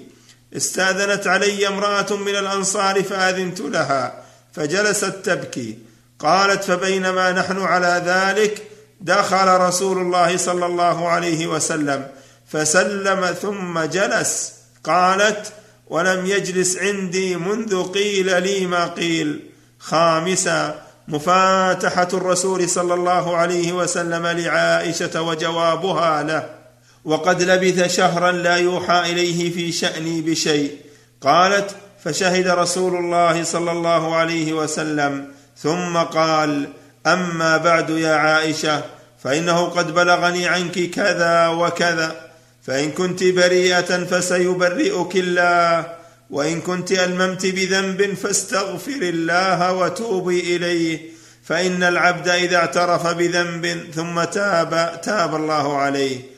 قالت فلما قضى رسول الله صلى الله عليه وسلم مقالته قلص دمعي حتى ما أحس منه قطرة. فقلت لأبي أجب عني رسول الله صلى الله عليه وسلم فيما قال. فقال والله ما أدري ما أقول لرسول الله صلى الله عليه وسلم. فقلت لأمي أجيبي عني رسول الله صلى الله عليه وسلم. فقالت والله ما أدري ما أقول لرسول الله صلى الله عليه وسلم. فقلت وأنا جارية حديثة السن لا أقرأ كثيرا من القرآن. إني والله لقد عرفت أنكم قد سمعتم بهذا حتى استقر في نفوسكم وصدقتم به. فإن قلت لكم إني بريئة والله يعلم أني بريئة. لا تصدقوني بذلك. ولئن اعترفت لكم بأمر والله يعلم أني بريئة لتصدقنني وإني والله ما أجد لي ولكم مثلا إلا كما قال أبو يوسف فصبر جميل والله المستعان على ما تصفون قالت ثم تحولت فاضطجعت على فراشي قالت وأنا والله حينئذ أعلم أني بريئة وأن الله مبرئي ببراءتي ولكن والله ما كنت أظن أن ينزل في شأني وحي يتلى ولشاني كان أحقر في نفسي من أن يتكلم الله عز وجل في بأمر يتلى ولكني كنت أرجو أن يرى رسول الله صلى الله عليه وسلم في النوم رؤيا يبرئني الله بها. سادسا نزول الوحي ببراءة عائشة. قالت فوالله ما رام رسول الله صلى الله عليه وسلم مجلسه أي ما فارقه ولا خرج من أهل البيت أحد حتى أنزل الله عز وجل على نبيه صلى الله عليه وسلم فأخذه ما كان يأخذه من البرحاء عند الوحي أي شدة الكرب من ثقل الوحي. حتى إنه ليتحدر منه مثل الجمان وهو اللؤلؤ الصغار. من العرق في اليوم الشات من ثقل القول الذي أنزل عليه. قالت فلما سري عن رسول الله صلى الله عليه وسلم وهو يضحك فكان أول كلمة تكلم بها أن قال أبشري يا عائشة أما الله فقد برأك فقالت لي أمي قومي إليه فقلت والله لا أقوم إليه ولا أحمد إلا الله هو الذي برأني. قالت فأنزل الله عز وجل إن الذين جاءوا بالإفك عصبة منكم. عشر آيات فأنزل الله عز وجل هؤلاء الآيات ببراءتي قالت فقال أبو بكر رضي الله عنه وكان ينفق على مصطح لقرابته منه وفقره والله لا أنفق عليه شيئا أبدا بعد الذي قال لعائشة. فأنزل الله عز وجل ولا يأت لأولو الفضل منكم والسعه أن يؤتوا أولي القربى إلى قوله ألا تحبون أن يغفر الله لكم؟ قال حبان بن موسى قال عبد الله بن المبارك هذه أرجى آية في كتاب الله. فقال أبو بكر والله إني لأحب أن يغفر الله لي. فرجع إلى مصطح النفقة التي كان ينفق عليه. وقال لا أنزعها منه أبدا. قالت عائشة رضي الله عنها وكان رسول الله صلى الله عليه وسلم سأل زينب بنت جحش زوج النبي صلى الله عليه وسلم عن أمري ما علمت وما رأت؟ فقالت يا رسول الله أحمي سمعي وبصري والله ما علمت إلا خيرا. قالت عائشة وهي التي كانت تساميني. أي تعاليني وتفاخرني تطاولني عنده صلى الله عليه وسلم. وهي التي كانت تساميني من أزواج رسول الله صلى الله عليه وسلم. فعصمها الله بالورع وطفقت أختها حمنة بنت جحش تحارب لها. فهلكت في من هلك. قال الزهري فهذا ما انتهى إلينا من أمر هؤلاء الرهط. أخرجه البخاري وهذا اللفظ لمسلم. سابعا الذي تولى كبر الإفك. الأربعون بعد الأربعمائة. من حديث عائشة رضي الله عنها قالت وكان الذي يتكلم فيه مصطح وحسان بن ثابت والمنافق عبد الله بن أبي وهو الذي كان يستوشيه وهو الذي تولى كبره منهم هو وحمنة. أخرجه البخاري. ثامنا إقامة الحد على القاذفين. الحادي والأربعون بعد الأربعمائة. من حديث عائشة رضي الله عنها قالت لما نزل عذري قام رسول الله صلى الله عليه وسلم على المنبر فذكر ذلك وتلا القرآن فلما نزل أمر برجلين وامرأة فضربوا حدهم. أخرجه الترمذي. الثاني والأربعون بعد الأربعمائة. من حديث أبي هريرة رضي الله عنه قال كان رسول الله صلى الله عليه وسلم إذا أراد سفرا أقرع بين نسائه فأصاب عائشة القرعة في غزوة بني المصطلق الحديث. وفيه وكان رسول الله صلى الله عليه وسلم يجيء فيقوم على الباب فيقول كيف تيكم؟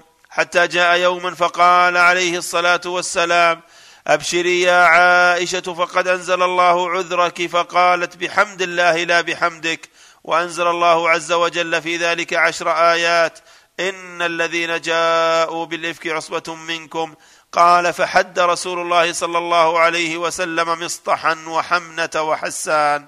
وكذا جاء من حديث عائشة عن ابن إسحاق في السيرة وسنده في ذلك صحيح وقد صرح بالتحديد كما جاء في سيرة ابن هشام. تاسعا موقف صفوان بن المعطل من حسان بن ثابت رضي الله عنهما.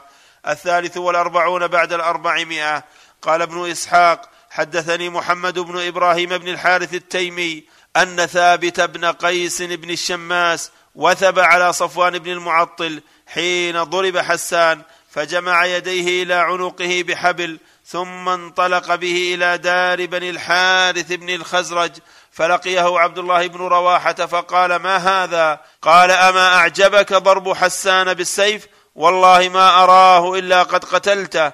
قال له عبد الله بن رواحة هل علم رسول الله صلى الله عليه وسلم بشيء مما صنعت؟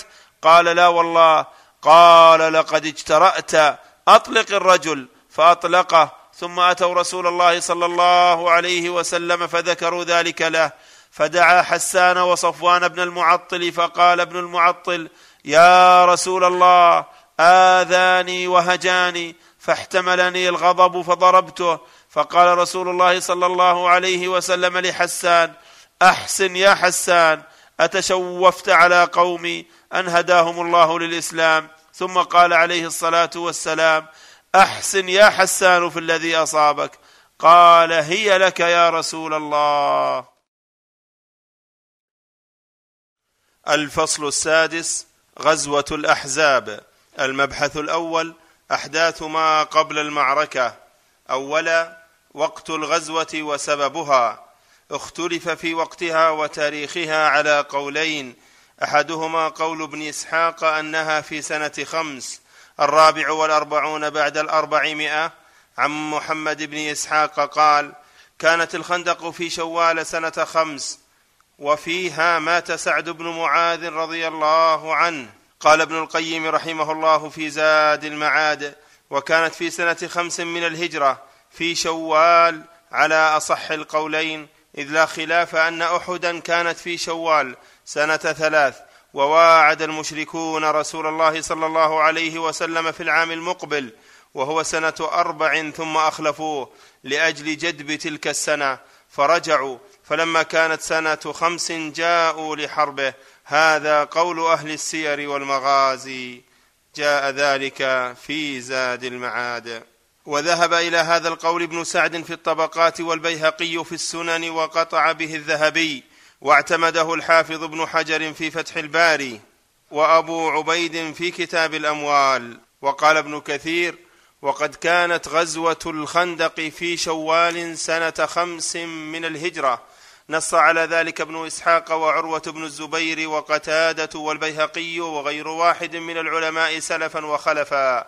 وقد صرح الزهري بأن الخندق قد كانت بعد أحد بسنتين ولا خلاف أن أحدا في شوال سنة ثلاث. جاء ذلك في سيرة ابن كثير. والقول الآخر أنها كانت في شوال سنة أربع للهجرة. قال بذلك موسى بن عقبة في مغازيه وتابعه على ذلك مالك بن أنس ومال البخاري إلى ذلك. وقد رد ابن حجر في فتح الباري على القائلين بهذا القول وبين ضعفه. وبأنه غير معتمد وناقش ذلك حجة بحجة ودليلا بدليل فانظر في فتح الباري في الجزء السابع في الصفحة الثالثة والتسعين بعد الثلاثمائة. الخامس والأربعون بعد الأربعمائة. قال ابن إسحاق حدثنا يزيد بن رومان عن عروة بن الزبير عن عبد الله بن كعب بن مالك ومحمد بن كعب القرظي والزهري وعاصم بن عمر بن قتادة وعبد الله بن أبي بكر وغيرهم من علمائنا كلهم قد اجتمع حديثه في الحديث عن الخندق قالوا إنه كان الذين حزبوا الأحزاب نفرا من اليهود وكان منهم سلام بن أبي الحقيق وحيي بن أخطب النضري وكنانة بن أبي الحقيق النضري وهوذه بن قيس الوائلي وأبو عمار الوائلي في نفر من بني النضير. فلما قدموا على قريش فدعوهم إلى حرب رسول الله صلى الله عليه وسلم وقالوا أنا سنكون معكم عليه حتى نستأصله. فقالت لهم قريش يا معشر يهود إنكم أهل الكتاب الأول والعلم بما أصبحنا نختلف فيه نحن ومحمد. أفديننا خير أم دينه؟ قالوا بل دينكم خير من دينه وأنتم أولى بالحق منه فهم الذين أنزل الله فيهم.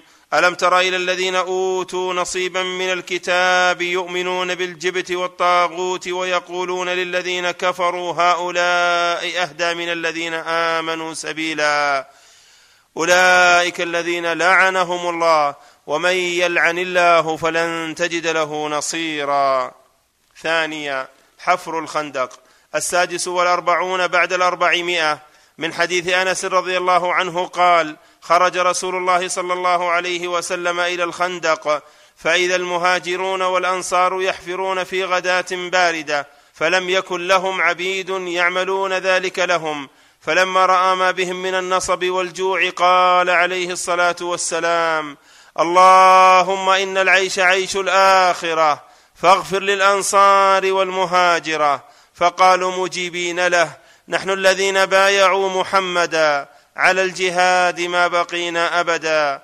وفي لفظ آخر قال جعل المهاجرون والأنصار يحفرون الخندق حول المدينة وينقلون التراب على متونهم وهم يقولون نحن الذين بايعوا محمدا على الإسلام ما بقينا أبدا. قال يقول النبي صلى الله عليه وسلم وهو يجيبهم اللهم إنه لا خير إلا خير الآخرة فبارك في الأنصار والمهاجرة.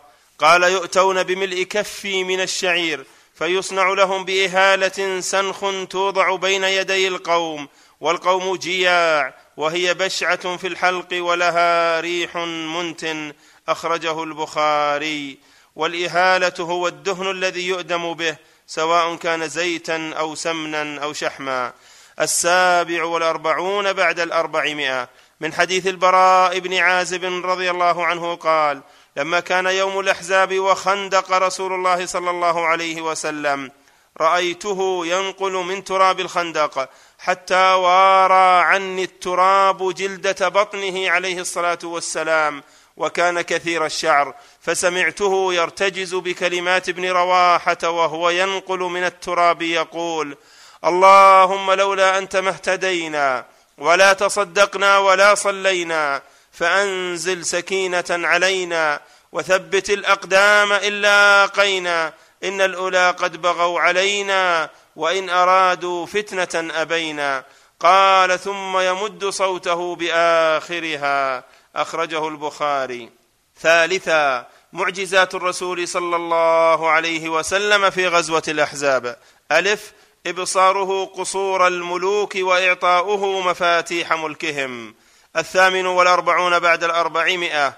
من حديث البراء بن عازب رضي الله عنه قال لما كان حين أمرنا رسول الله صلى الله عليه وسلم بحفر الخندق عرضت لنا في بعض الخندق صخرة لا تأخذ فيها المعاول فاشتكينا إلى رسول الله صلى الله عليه وسلم فجاءنا فأخذ المعول فقال بسم الله. فضرب ضربة فكسر ثلثها وقال الله أكبر أعطيت مفاتيح الشام.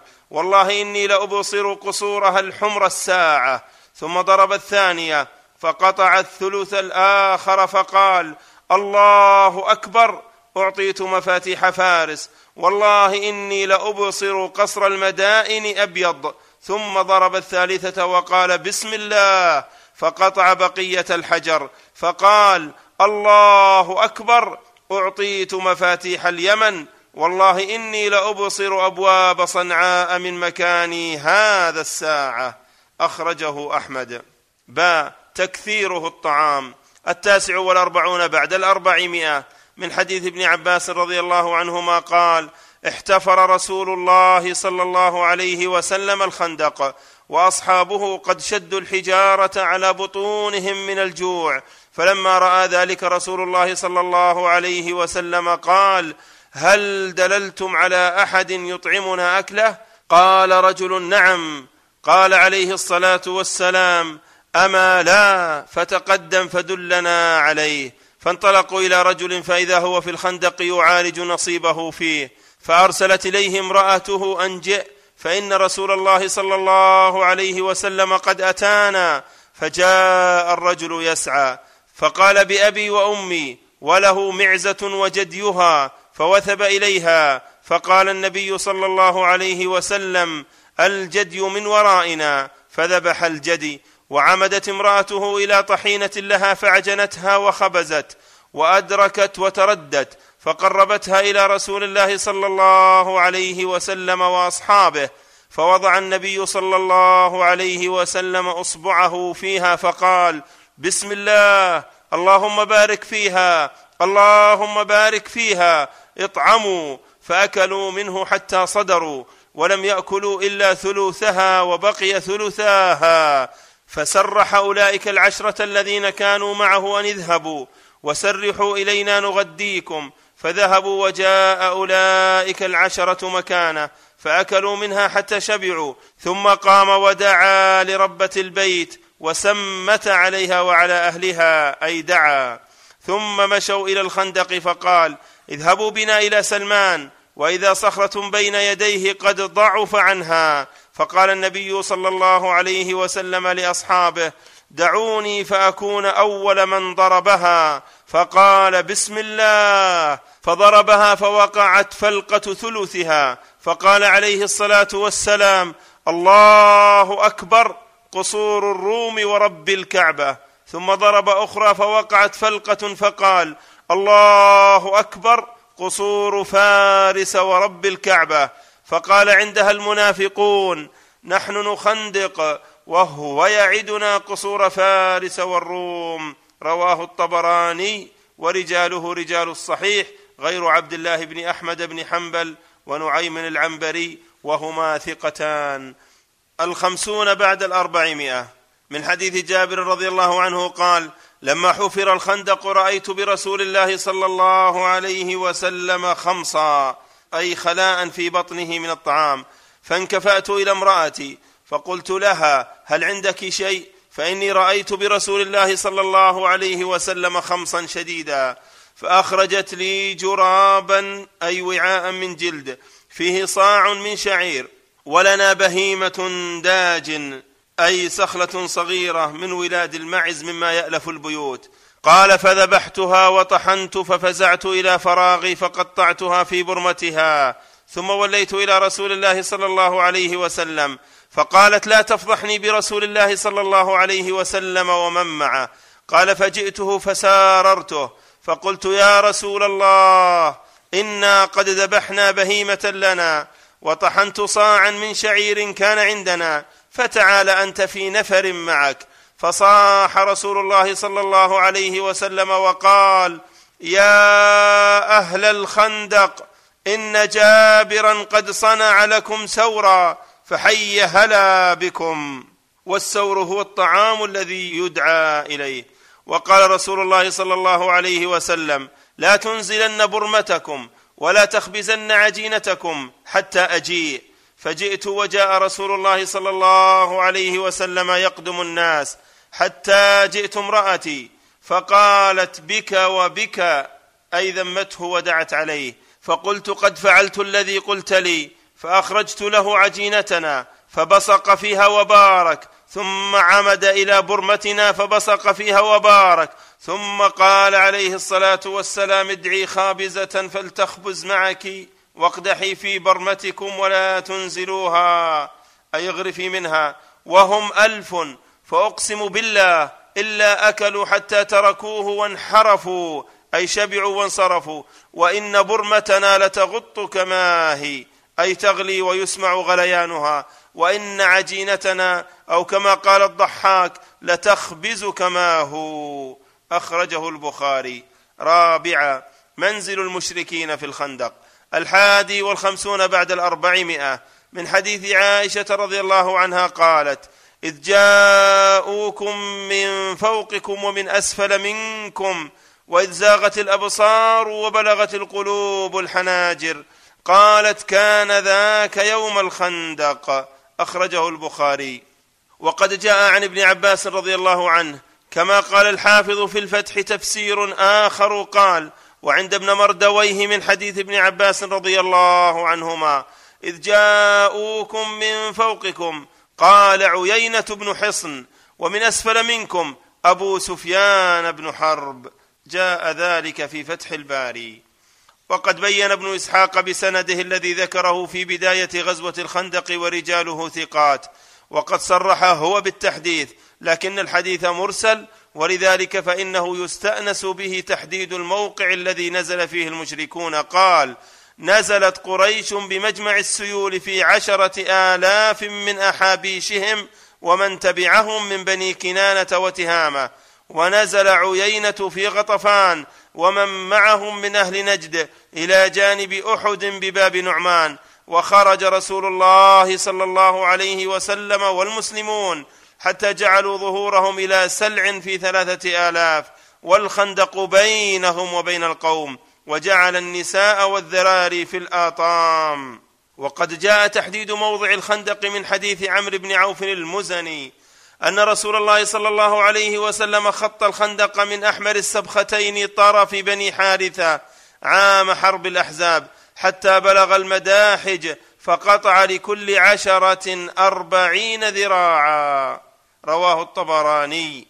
والحديث يستأنس به في هذا الموطن لأنه ليس فيه إثبات حكم شرعي أو غير ذلك وإنما هو تحديد مكان تاريخي ألا وهو مكان الخندق.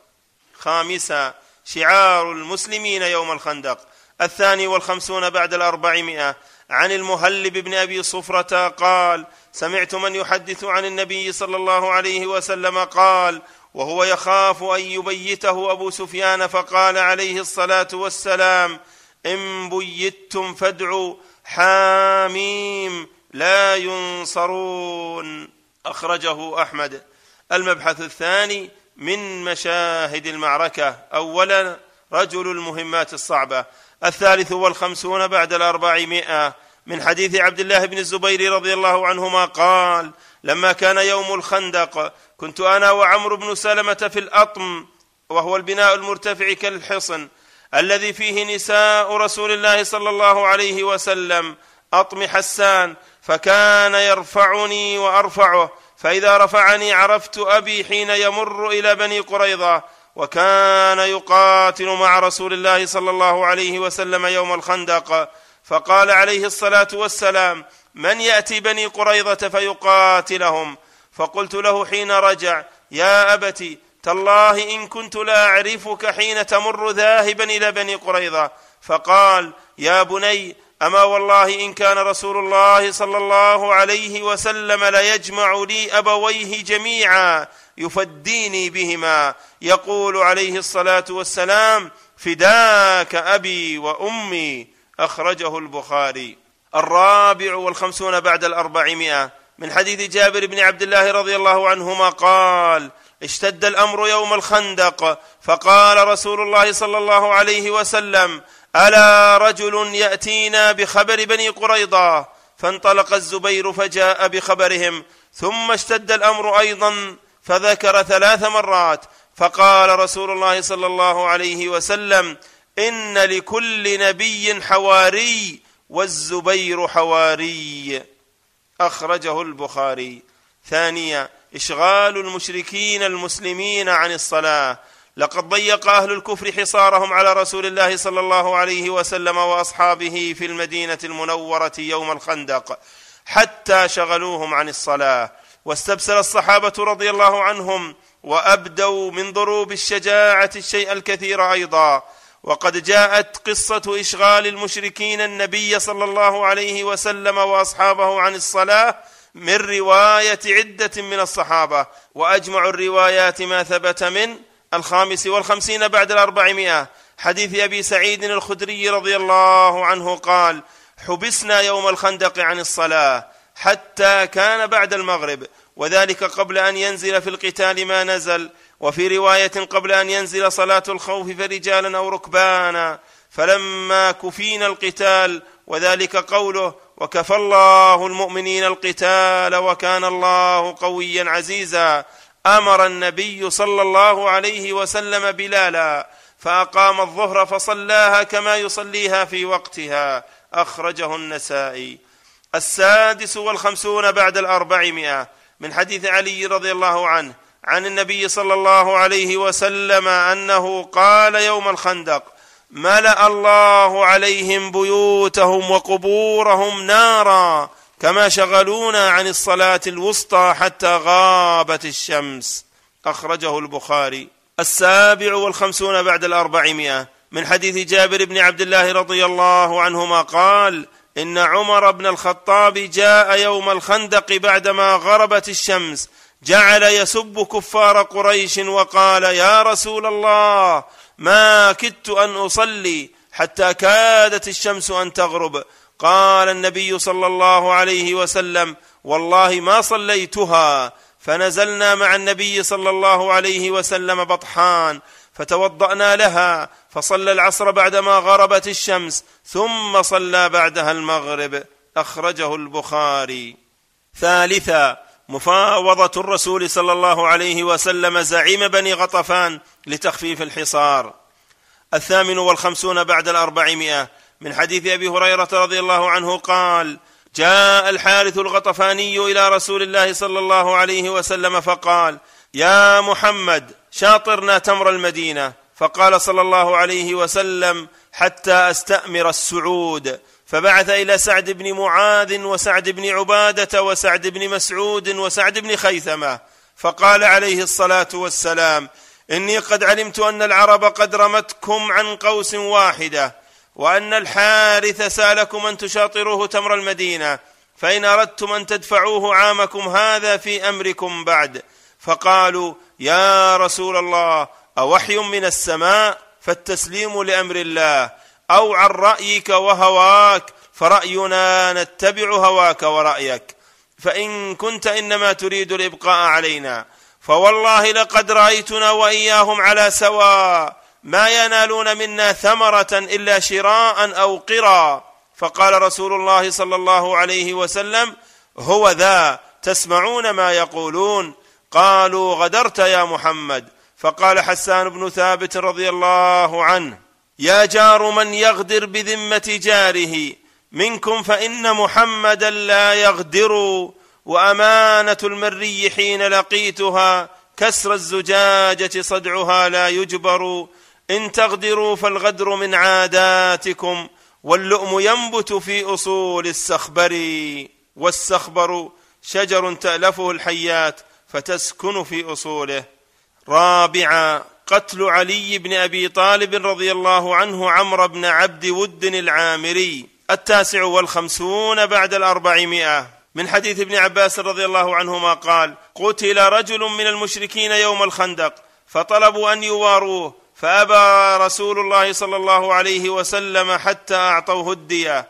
وقتل من بني عامر بن لؤي عمرو بن عبد ود قتله علي بن أبي طالب مبارزة أخرجه الحاكم.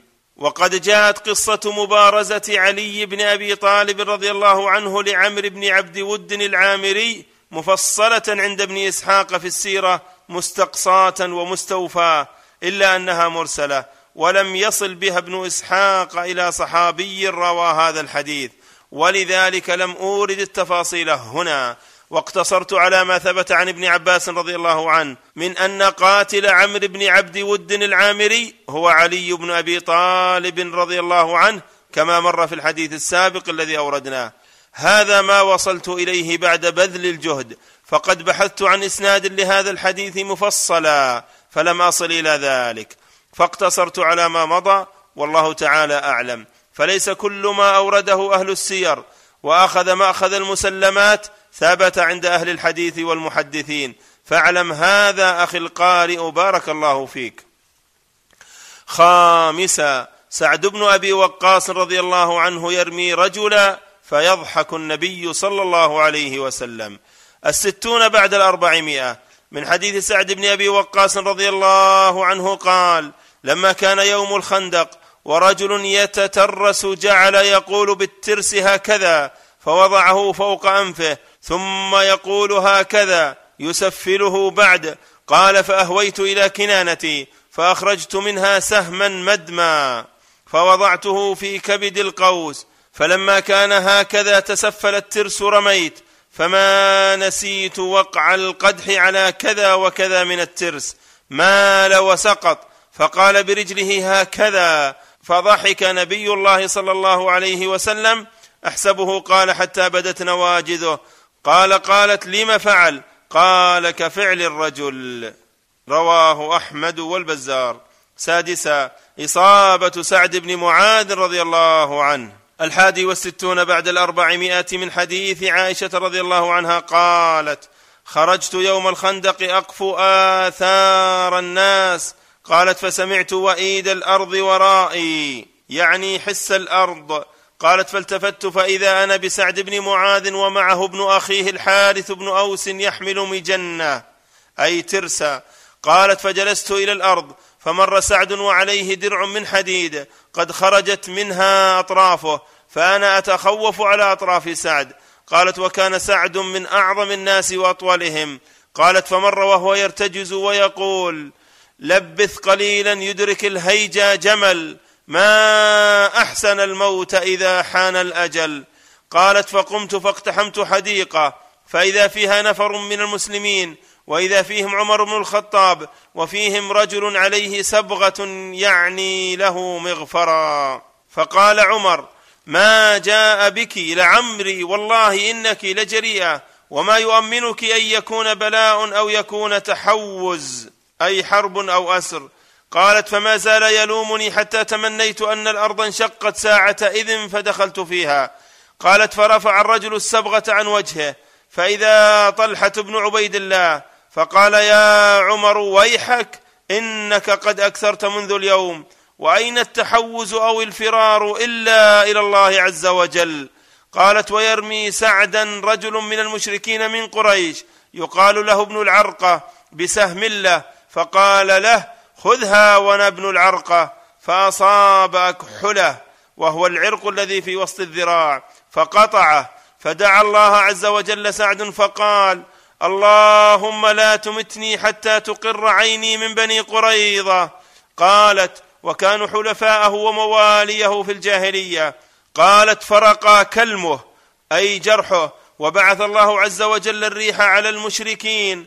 فكفى الله عز وجل المؤمنين القتال وكان الله قويا عزيزا فلحق أبو سفيان ومن معه بتهامة ولحق عيينة بن حصن ومن معه بنجد أخرجه أحمد سابعا محاولة فاشلة عند حصون النساء الثاني والستون بعد الأربعمائة من حديث رافع بن خديج رضي الله عنه قال لم يكن حصن احصن من حصن بني حارثة فجعل النبي صلى الله عليه وسلم النساء والصبيان والذراري فيه وقال عليه الصلاة والسلام إن ألم بكن أحد فالمعن بالسيف. فجاءهن رجل من بني ثعلبة بن سعد يقال له نجدان أحد بني حشاش على فرس. حتى كان في أصل الحصن ثم جعل يقول للنساء انزلن إلي خير لكن. فحركنا السيف فأبصره أصحاب رسول الله صلى الله عليه وسلم فابتدر الحصن قوم فيهم رجل من بني الحارثة يقال له ظهير بن رافع فقال يا نجدان ابرز. فبرز إليه فحمل على فرسه فقتله وأخذ رأسه فذهب به إلى النبي صلى الله عليه وسلم. رواه الطبراني ورجاله ثقات. الثالث والستون بعد الأربعمائة. من حديث ابن أبي أوفى رضي الله عنه قال دعا رسول الله صلى الله عليه وسلم على الأحزاب فقال اللهم منزل الكتاب سريع الحساب اهزم الأحزاب اللهم اهزمهم وزلزلهم. أخرجه البخاري. الرابع والستون بعد الأربعمائة. من حديث أبي هريرة رضي الله عنه قال إن رسول الله صلى الله عليه وسلم كان يقول لا إله إلا الله وحده أعز جنده ونصر عبده وغلب الأحزاب وحده فلا شيء بعده أخرجه البخاري. ثامنا عدم صحة ما يروى من جبن حسان رضي الله عنه. من حديث ابن إسحاق قال حدثنا يحيى بن عباد بن عبد الله بن الزبير عن أبيه قال كانت صفية بنت عبد المطلب في فارع حصن حسان بن ثابت وكان حسان بن ثابت معنا فيه مع النساء والصبيان حين خندق النبي صلى الله عليه وسلم. قالت صفية فمر بنا رجل من يهود فجعل يطيف بالحصن وقد حاربت بنو قريظة أو قطعت ما بينها وبين رسول الله صلى الله عليه وسلم وليس بيننا وبينهم أحد يدفع عنا. ورسول الله صلى الله عليه وسلم والمسلمون في نحور عدوهم لا يستطيعون أن ينصرفوا إلينا عنهم. إذ أتانا آت فقلت لحسان بن ثابت إن هذا اليهودي يطيف بالحصن كما ترى ولا آمنه أن يدل على عورتنا من وراءنا من يهود. وقد شغل عنا رسول الله صلى الله عليه وسلم وأصحابه فانزل إليه فاقتله.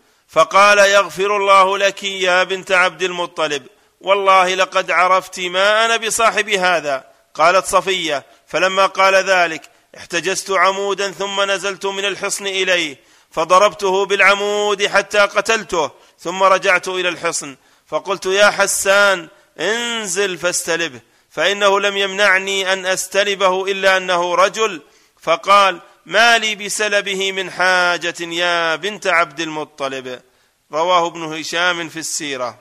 وهذا الخبر لا يصح لأمرين. الأول من حيث الإسناد. فالخبر ليس مسندا. وقد علمنا علماؤنا أنه لا يؤخذ من الأخبار إلا إذا كان له إسناد. ولا يؤخذ الخبر المسند إلا إذا كان إسناده صحيحا.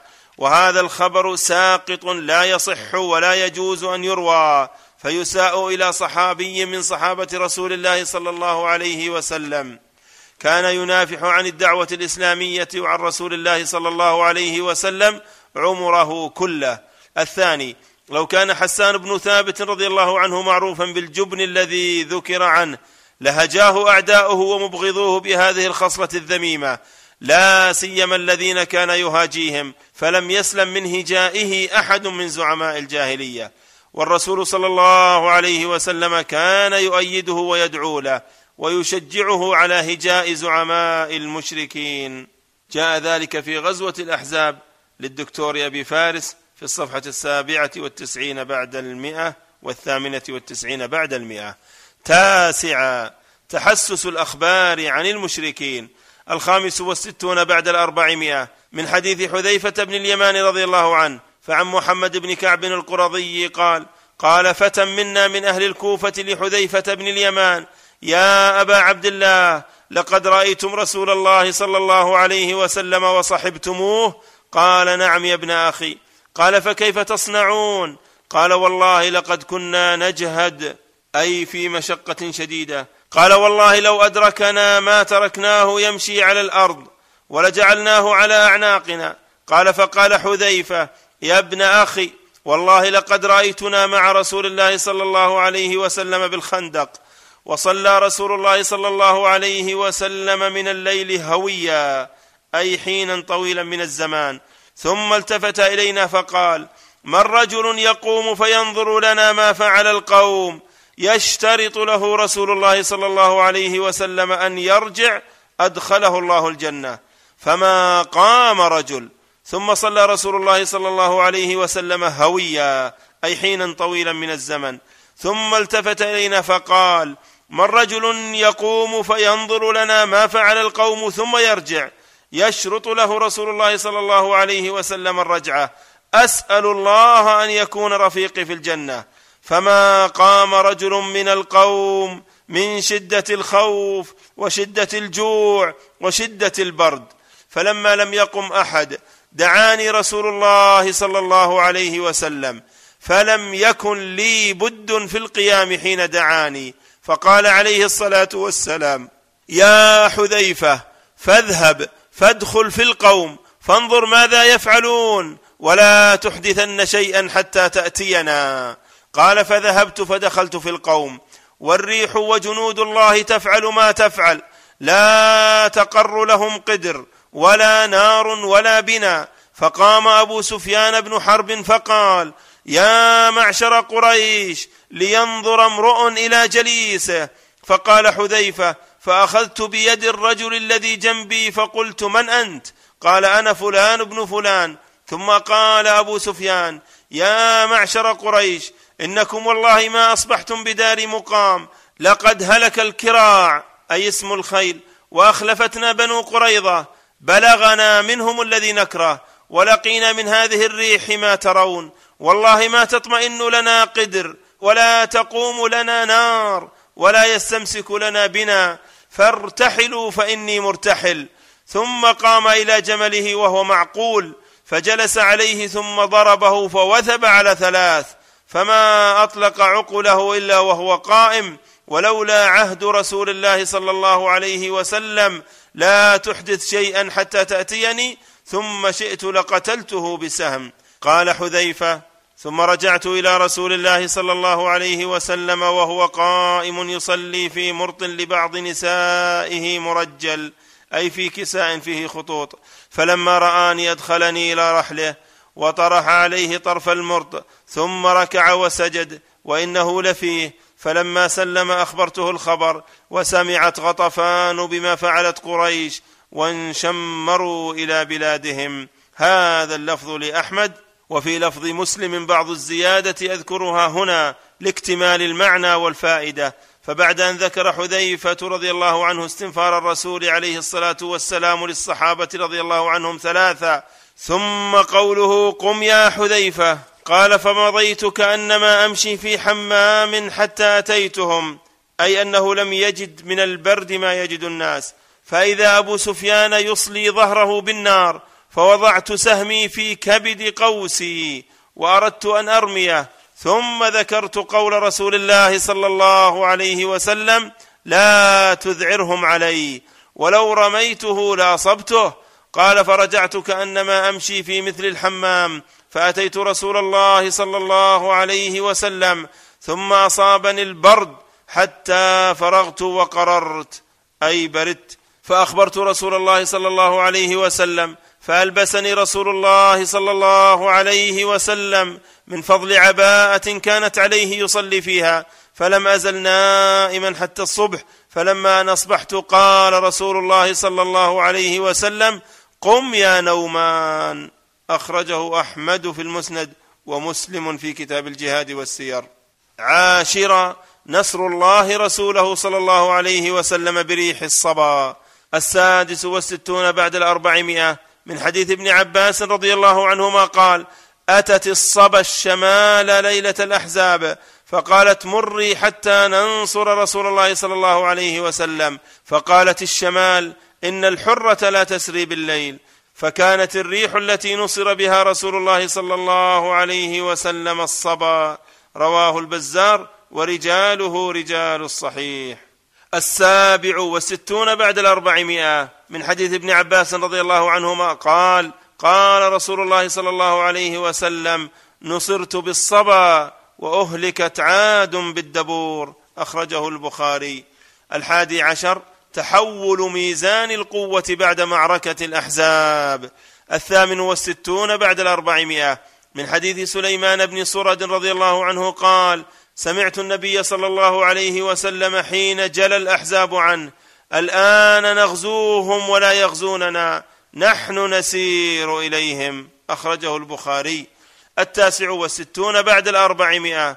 من حديث جابر بن عبد الله رضي الله عنهما قال إن رسول الله صلى الله عليه وسلم قال يوم الأحزاب وقد جمعوا له جموعا كثيره فقال رسول الله صلى الله عليه وسلم لا يغزوكم بعدها ابدا ولكن نغزوهم. رواه البزار ورجاله ثقات. الثاني عشر. وضع النبي صلى الله عليه وسلم السلاح بعد رحيل المشركين. السبعون بعد الأربعمائة.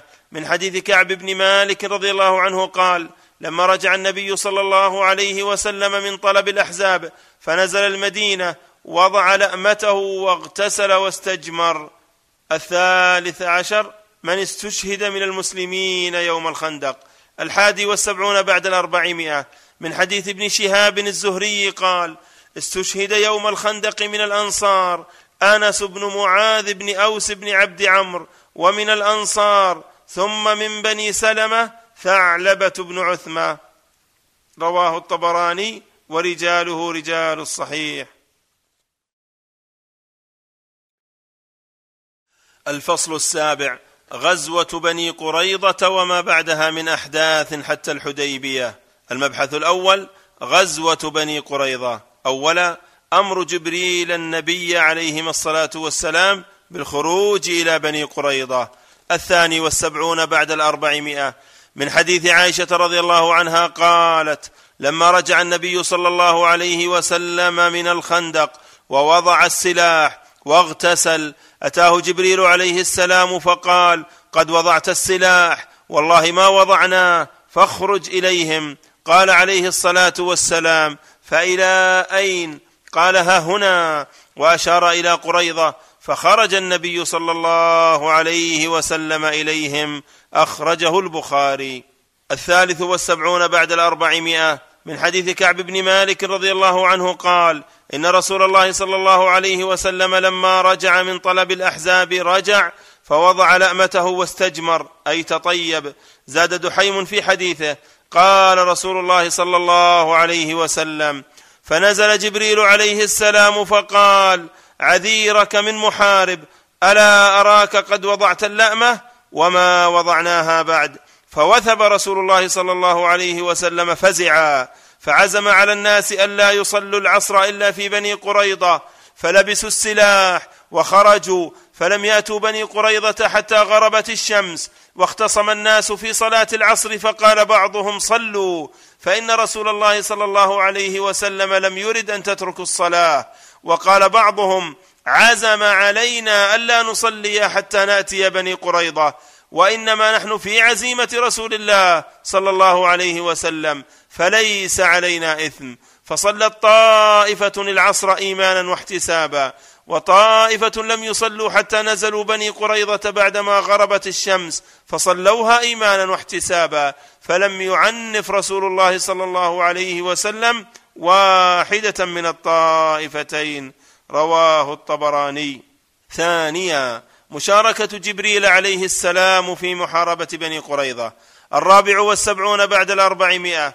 من حديث أنس بن مالك رضي الله عنه قال كأني أنظر إلى الغبار ساطعا في زقاق بني غنم.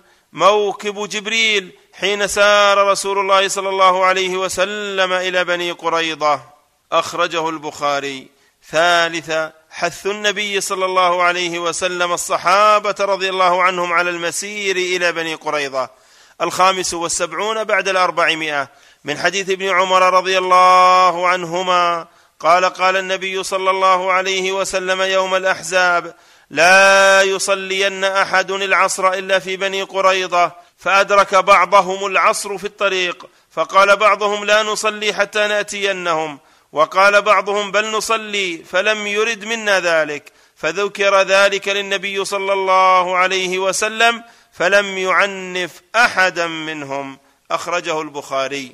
رابعا سبب الغزوة السادس والسبعون بعد الأربعمائة. من حديث سعيد بن المسيب رضي الله عنه في سياق قصة الأحزاب فبينما هم كذلك إذ جاءهم نعيم بن مسعود الأشجعي وكان يأمنه الفريقان كان موادعا لهما فقال إني كنت عند عيينة بن حصن وأبي سفيان إذ جاءهم رسول بني قريظة أن اثبتوا فإنا سنخالف المسلمين إلى بيضتهم إلى أن قال فناداهم عليه الصلاة والسلام يا إخوة القردة والخنازير فقالوا يا أبا القاسم ما كنت فاحشا وذكر الحديث. فسبب غزوهم إذن هو نقضهم للعهد الذي كان بينهم وبين النبي صلى الله عليه وسلم في أحلك الظروف وأصعبها على المسلمين في أثناء حصار الأحزاب للمدينة. وهذا السبب قد ثبت بطرق قابلة بمجموعها للاحتجاج بها. وقد ثبت أن الرسول صلى الله عليه وسلم قد أرسل الزبير بن العوام لاستطلاع خبرهم كما جاء ذلك في الصحيح.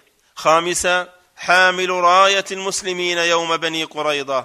السابع والسبعون بعد الأربعمائة من حديث عروة قال وبعث عليا على المقدمة ودفع إليه اللواء وخرج رسول الله صلى الله عليه وسلم على إثره. رواه البيهقي. سادسا مدة الحصار وكم استمرت. الثامن والسبعون بعد الأربعمائة من حديث عائشة رضي الله عنها قالت في حديث طويل سبق ذكر جزء منه في إصابة سعد بن معاذ.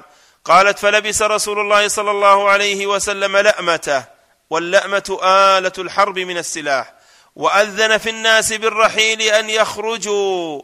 فخرج رسول الله صلى الله عليه وسلم فمر على بني غنم وهي جيران المسجد حوله. فقال من مر بكم؟ فقالوا مر بنا دحية الكلبي وكان دحية الكلب تشبه لحيته وسنه ووجهه جبريل عليه السلام. فقالت فأتاهم رسول الله صلى الله عليه وسلم فحاصرهم خمسا وعشرين ليلة. سابعا قصة أبي لبابة التاسع والسبعون بعد الأربعمائة. من حديث عائشة رضي الله عنها السابق قولها فحاصرهم خمسا وعشرين ليلة. فلما اشتد حصرهم واشتد البلاء قيل لهم انزلوا على حكم رسول الله صلى الله عليه وسلم فاستشاروا أبا لبابة بن عبد المنذر وأشار إليهم أنه الذبح. ثامنا حكم سعد بن معاذ في بني قريظة الثمانون بعد الأربعمائة. من حديث أبي سعيد الخدري رضي الله عنه قال نزل أهل قريظة على حكم سعد بن معاذ فأرسل النبي صلى الله عليه وسلم إلى سعد فأتى على حمار فلما دنا من المسجد قال عليه الصلاة والسلام للأنصار قوموا إلى سيدكم أو خيركم. فقال هؤلاء نزلوا على حكمك. فقال سعد تقتل مقاتلتهم وتسبى ذراريهم. قال عليه الصلاة والسلام قضيت بحكم الله وربما قال بحكم الملك. أخرجه البخاري. الحادي والثمانون بعد الأربعمائة من حديث عائشة رضي الله عنها قالت أصيب سعد يوم الخندق رماه رجل من قريش يقال له حبان بن العرقه رماه في الأكحل فضرب النبي صلى الله عليه وسلم خيمة في المسجد ليعوده من قريب. فلما رجع رسول الله صلى الله عليه وسلم من الخندق وضع السلاح واغتسل فأتاه جبريل عليه السلام وهو ينفض رأسه من الغبار فقال قد وضعت السلاح والله ما وضعته اخرج إليهم. قال النبي صلى الله عليه وسلم فأين؟ فأشار إلى بني قريظة فأتاهم رسول الله صلى الله عليه وسلم فنزلوا على حكمه فرد الحكم إلى سعد. قال فإني أحكم فيهم أن تقتل المقاتلة وأن تسبى النساء والذرية. وأن تقسم أموالهم. قال هشام فأخبرني أبي عن عائشة أن سعدا قال اللهم إنك تعلم أنه ليس أحد أحب إلي أن أجاهدهم فيك من قوم كذبوا رسولك وأخرجوه. اللهم فإني أظن أنك قد وضعت الحرب بيننا وبينهم فإن كان بقي من حرب قريش شيء فأبقني له حتى أجاهدهم فيك. وإن كنت وضعت الحرب فافجرها واجعل موتتي فيها فانفجرت من لبته فلم يرعهم وفي المسجد خيمة من بني غفار إلا الدم يسيل إليهم. فقالوا يا أهل الخيمة ما هذا الذي يأتينا من قبلكم؟ فإذا سعد يغدو جرحه دما فمات منها رضي الله عنه. أخرجه البخاري. الثاني والثمانون بعد الأربعمائة. من حديث عائشة رضي الله عنها قالت في الحديث الطويل الذي اجتزأنا منه أجزاء سابقة قالوا ننزل على حكم سعد بن معاذ. فقال رسول الله صلى الله عليه وسلم انزلوا على حكم سعد بن معاذ. فنزلوا وبعث رسول الله صلى الله عليه وسلم إلى سعد بن معاذ فأتي به على حمار عليه إكاف من ليف. قد حمل عليه وحف به قومه فقالوا يا أبا عمرو حلفاؤك ومواليك وأهل النكاية ومن قد علمت؟ قالت وأني لا يرجع إليهم شيئا أي أبطأ في الجواب وسكت عنهم ولا يلتفت إليهم حتى إذا دنا من دورهم التفت إلى قومه فقال قد أني لي أي قد آن لي قد أني لي ألا أبالي في الله لومة لائم. قال قال أبو سعيد فلما طلع على رسول الله صلى الله عليه وسلم قال عليه الصلاة والسلام قوموا إلى سيدكم فأنزلوه. فقال عمر سيدنا الله عز وجل قال عليه الصلاة والسلام أنزلوه فأنزلوه قال رسول الله صلى الله عليه وسلم احكم فيهم. فقال سعد رضي الله عنه فإني أحكم فيهم أن تقتل مقاتلتهم وتسبى ذراريهم وتقسم أموالهم. فقال رسول الله صلى الله عليه وسلم لقد حكمت فيهم بحكم الله عز وجل وحكم رسوله. وقد جاءت قصة نزول بني قريظة على حكم سعد بن معاذ رضي الله عنه من حديث جابر بن عبد الله وسيأتي في وسيأتي بلفظه في بيان عدد المقتولين من بني قريظة. فانظر تخريجه هناك. تاسعا كيف ميز النبي صلى الله عليه وسلم بين الصغار والبالغين من بني قريظة؟ الثالث والثمانون بعد الأربعمائة. من حديث عطية القرظي قال كنت من سبي بني قريظة فكانوا ينظرون فمن أنبت الشعر قتل ومن لم ينبت لم يقتل فكنت في من لم ينبت وفي رواية أخرى زاد فكشفوا عانتي فوجدوها لم تنبت فجعلوني في السبي أخرجه أبو داود. عاشرا عدد بني قريظة الذين قتلهم رسول الله صلى الله عليه وسلم. الرابع والثمانون بعد الأربعمائة من حديث جابر بن عبد الله رضي الله عنهما قال رمي يوم الأحزاب سعد بن معاذ فقطعوا أكحله فحسمه رسول الله صلى الله عليه وسلم بالنار فانتفخت يده فحسمه أخرى فانتفخت يده فنزفه فلما رأى ذلك قال اللهم لا تخرج نفسي حتى تقر عيني من بني قريظة. فاستمسك عرقه فنما قطرة قطرة حتى نزلوا على حكم سعد فأرسل إليه فحكم أن تقتل رجالهم ويستحيا نساؤهم وذراريهم يستعين بهم المسلمون. قال رسول الله صلى الله عليه وسلم أصبت حكم الله فيهم وكانوا أربعمائة فلما فرغ من قتلهم انفتق عرقه فمات أخرجه أحمد. وقال الحافظ في الفتح واختلف في عدتهم فعند ابن إسحاق أنهم كانوا ستمائة وبه جزم أبو عمرو في ترجمة سعد بن معاذ وعند ابن عائذ من مرسل قتادة وكانوا سبعمائة وقال السهيلي المكثر يقول إنهم ما بين الثمانمائة إلى التسعمائة. وفي حديث جابر عند الترمذي والنسائي وابن حبان بإسناد صحيح أنهم كانوا أربعمائة مقاتل فيحتمل في طريق الجمع أن يقال إن الباقين كانوا أتباعا. وقد حكى ابن إسحاق أنه قيل إنهم كانوا تسعمائة. جاء ذلك في فتح الباري. الحادي عشر قصة المرأة التي قتلت من بني قريظة. الخامس والثمانون بعد الأربعمائة. من حديث عائشة أم المؤمنين رضي الله عنها قالت لم يقتل من نسائهم إلا امرأة واحدة. قالت والله إنها لعندي تتحدث معي تضحك ظهرا وبطنا. أي لا يبدو على ملامحها أثر الحزن. ورسول الله صلى الله عليه وسلم يقتل رجالهم بالسوق. إذ هتف هاتف باسمها. أين فلانة؟ قالت أنا والله. قالت قلت ويلك وما لك؟ قالت اقتل. قالت قلت ولما؟ قالت حدثا أحدثته والحدث الذي أحدثته أنها طرحت الرحى على خلاد بن سويد فقتلته فقتلها رسول الله صلى الله عليه وسلم به. قالت فانطلق بها فضربت عنقها وكانت عائشة رضي الله تبارك وتعالى عنها تقول والله ما أنسى عجبي من طيب نفسها وكثرة ضحكها وقد عرفت أنها تقتل أخرجه أحمد. الثاني عشر إسلام بعض يهود بني قريظة وتقسيم أموال بني قريظة بين المسلمين. السادس والثمانون بعد الأربعمائة. من حديث ابن عمر رضي الله عنهما قال حاربت قريظة والنضير فأجلى بني النضير وأقر قريظة ومن عليهم حتى حاربت قريظة فقتل رجالهم وقسم نساءهم وأولادهم وأموالهم بين المسلمين. إلا بعضهم لحقوا بالنبي صلى الله عليه وسلم فأمنهم وأسلموا.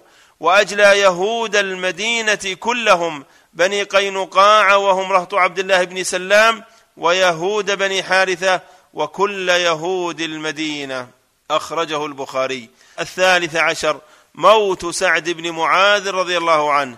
السابع والثمانون بعد الأربعمائة من حديث عائشة الطويل إعادة. السابع والثمانون بعد الأربعمائة من حديث عائشة رضي الله عنها الطويل الذي سبق ذكر أجزاء متفرقة منه قالت ثم دعا سعد فقال اللهم إن كنت أبقيت على نبيك صلى الله عليه وسلم من حرب قريش شيئا فأبقني لها وإن كنت قطعت الحرب بينه وبينهم فاقبضني إليك.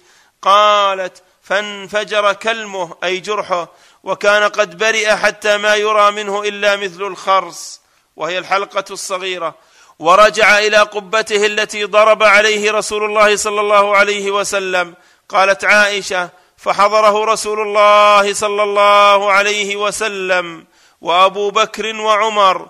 قالت فوالذي نفس محمد بيده إني لأعرف بكاء عمر من بكاء أبي بكر وأنا في حجرتي. وكانوا كما قال الله عز وجل رحماء بينهم.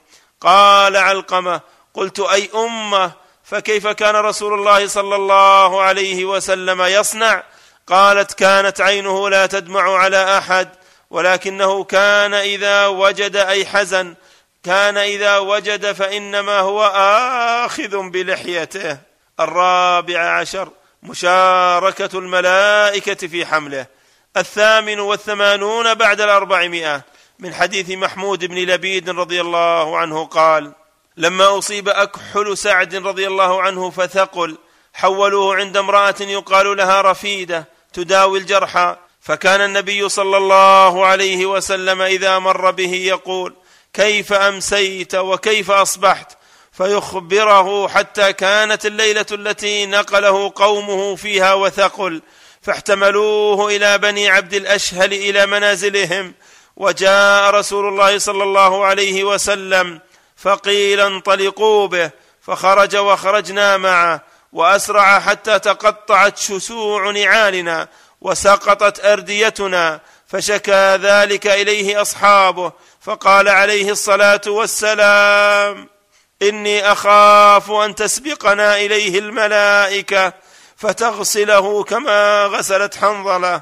فانتهى إلى البيت وهو يغسل وأمه تبكيه وتقول ويل أم سعد سعدا حزامة وجدا فقال صلى الله عليه وسلم كل باكية تكذب إلا أم سعد. ثم خرج به.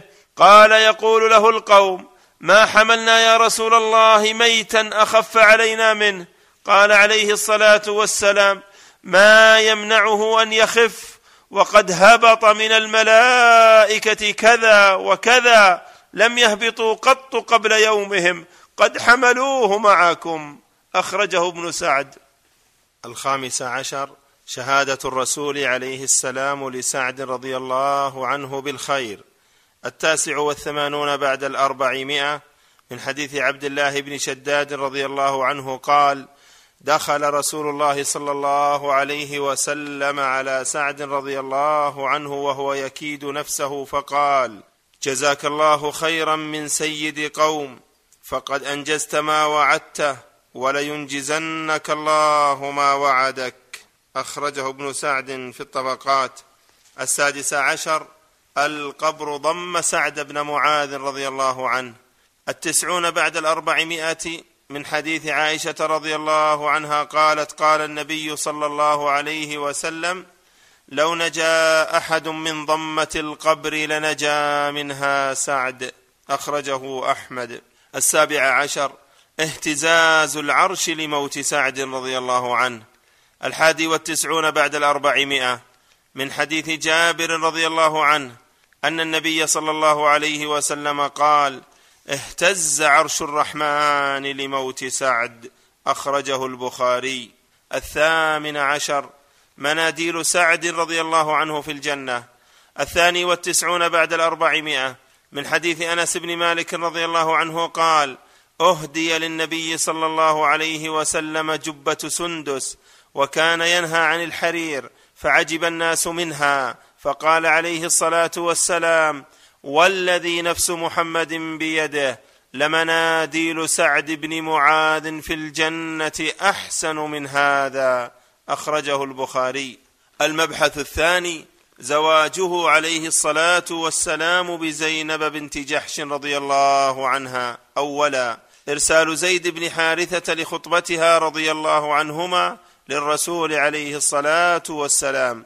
الثالث والتسعون بعد الأربعمائة.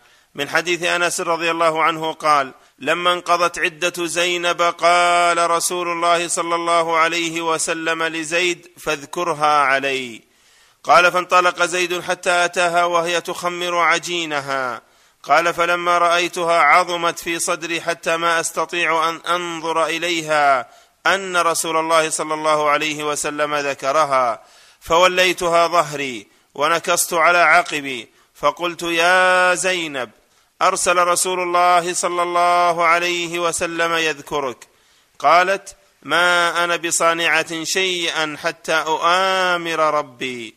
فقامت إلى مسجدها ونزل القرآن وجاء رسول الله صلى الله عليه وسلم فدخل عليها بغير إذن. قال فقال ولقد رأيتنا أن رسول الله صلى الله عليه وسلم أطعمنا الخبز واللحم حين امتد النهار. فخرج الناس وبقي رجال يتحدثون في البيت بعد الطعام. فخرج رسول الله صلى الله عليه وسلم واتبعته فجعل يتتبع حجر نسائه يسلم عليهن. ويقولن يا رسول الله كيف وجدت أهلك؟ قال فما أدري أنا أخبرته أن القوم قد خرجوا أو أخبرني. قال فانطلق حتى دخل البيت فذهبت أدخل معه فألقي الستر بيني وبينه ونزل الحجاب. قال ووعظ القوم بما وعظوا به. لفظ مسلم. وفي لفظ آخر عند مسلم من حديث أنس رضي الله عنه أن أم سليم أهدت إلى رسول الله صلى الله عليه وسلم طعاما يوم زواج زينب فيقول تزوج رسول الله صلى الله عليه وسلم فدخل بأهله. قال فصنعت أمي أم سليم حيسا فجعلته في تور فقالت يا أنس اذهب بهذا إلى رسول الله صلى الله عليه وسلم فقل بعثت بهذا إليك أمي وهي تقرئك السلام وتقول إن هذا لك منا قليل يا رسول الله. قال فذهبت بها إلى رسول الله صلى الله عليه وسلم فقلت إن أمي تقرئك السلام وتقول إن هذا لك منا قليل يا رسول الله. فقال عليه الصلاة والسلام ضعه ثم قال اذهب فادع لي فلانا وفلانا وفلانا ومن لقيت. وسمى رجالا قال فدعوت من سمى ومن لقيت. قال قلت لأنس عدد كم كانوا؟ قال زهاء ثلاثمائة. وقال لي رسول الله صلى الله عليه وسلم يا أنس هات التور. قال فدخلوا حتى امتلأت الصفة والحجرة. فقال رسول الله صلى الله عليه وسلم ليتحلق عشرة عشرة وليأكل كل إنسان مما يليه.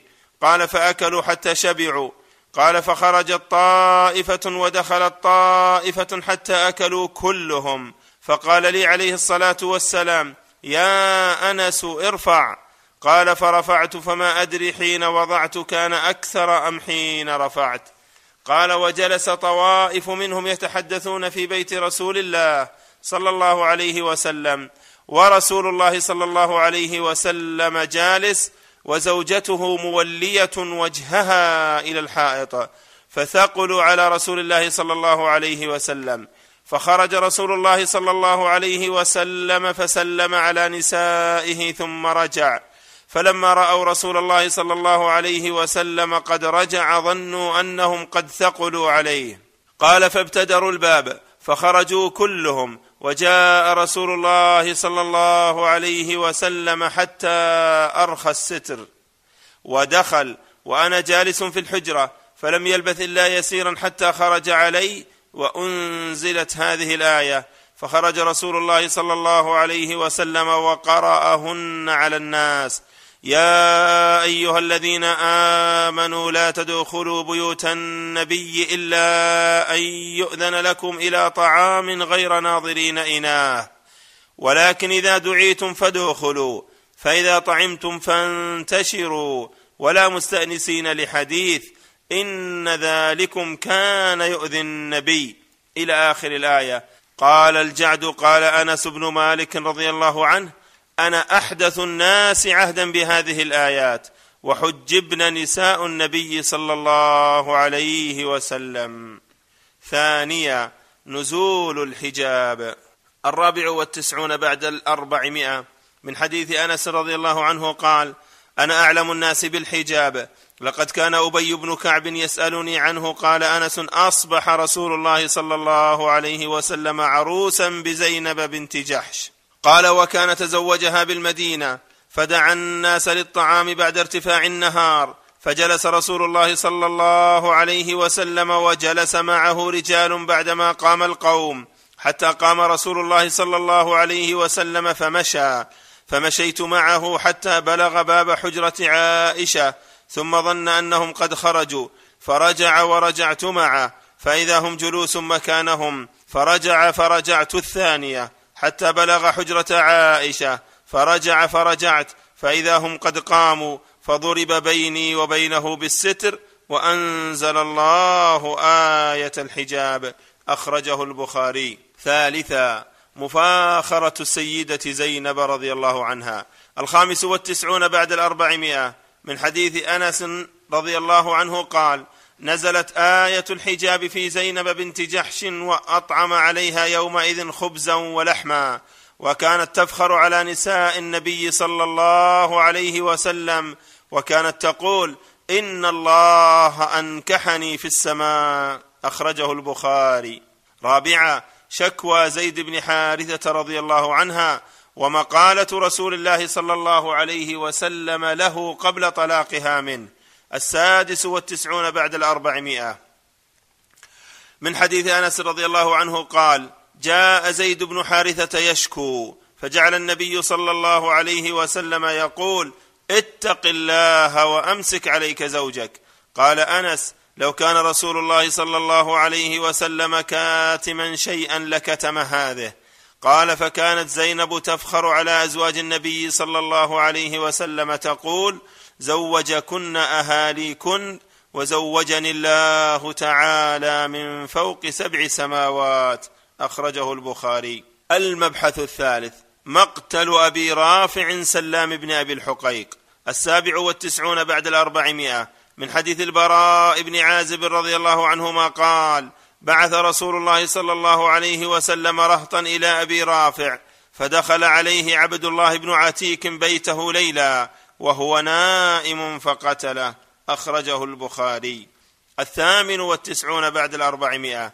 من حديث البراء بن عازب رضي الله عنهما قال بعث رسول الله صلى الله عليه وسلم إلى أبي رافع اليهودي رجالا من الأنصار فأمر عليهم عبد الله بن عتيك وكان أبو رافع يؤذي رسول الله صلى الله عليه وسلم ويعين عليه وكان في حصن له بأرض الحجاز فلما دنوا منه وقد غربت الشمس وراح الناس بسرحهم فقال عبد الله لأصحابه اجلسوا مكانكم فإني منطلق ومتلطف للبواب لعلي أن أدخل. فأقبل حتى دنا من البواب ثم تقنع بثوبه كأنه يقضي حاجة وقد دخل الناس فهتف به البواب يا عبد الله إن كنت تريد أن تدخل فادخل. فإني أريد أن أغلق الباب فدخلت فكمنت فلما دخل الناس أغلق الباب ثم علق الأغاليق على عود. قال فقمت إلى الأقاليد فأخذتها ففتحت الباب وكان أبو رافع يسمر عنده وكان في علالي له. فلما ذهب عنه أهل سمره صعدت إليه فجعلت كلما فتحت بابا أغلقت علي من داخل. قلت إن القوم نذروا بي لم يخلصوا إلي حتى أقتله. فانتهيت إليه. فإذا هو في بيت مظلم وسط عياله لا أدري أين هو من البيت. فقلت أبا رافع. قال من هذا؟ فأهويت نحو الصوت. فأضربه ضربة بالسيف. وأنا دهش فما أغنيت شيئا. وصاح. فخرجت من البيت. فأمكث غير بعيد. ثم دخلت إليه فقلت ما هذا الصوت يا أبا رافع؟ فقال لأمك الويل إن رجلا في البيت ضربني قبل بالسيف قال فأضربه ضربة أثخنته ولم اقتله ثم وضعت خبيب السيف في بطنه حتى أخذ في ظهره فعرفت أني قتلته فجعلت أفتح الأبواب بابا بابا حتى انتهيت إلى درجة له فوضعت رجلي وأنا أرى أني قد انتهيت إلى الأرض فوقعت في ليلة مقمرة فانكسرت ساقي فعصبتها بعمامة ثم انطلقت حتى جلست على الباب فقلت لا أخرج الليلة حتى أعلم أقتلته أم لا. فلما صاح الديك قام الناعي على السور فقال أنعى أبا رافع تاجر أهل الحجاز فانطلقت إلى أصحابي فقلت النجاء فقد قتل الله أبا رافع. فانتهيت إلى النبي صلى الله عليه وسلم فحدثته فقال لي عليه الصلاة والسلام ابسط رجلك فبسطت رجلي فمسحها فكأنها لم أشتكها قط. أخرجه البخاري. الفوائد المأخوذة من هذا الحديث. أولا جواز اغتيال المشرك الذي بلغته الدعوة وأصر على الكفر. ثانيا قتل من أعان على رسول الله صلى الله عليه وسلم بيده أو ماله أو لسانه. ثالثا جواز التجسس على أهل الحرب وتطلب غرتهم. ثالثا جواز التجسس على أهل الحرب وتطلب غرتهم. رابعا الأخذ بالشدة في محاربة المشركين. خامسا جواز إبهام القول للمصلحة.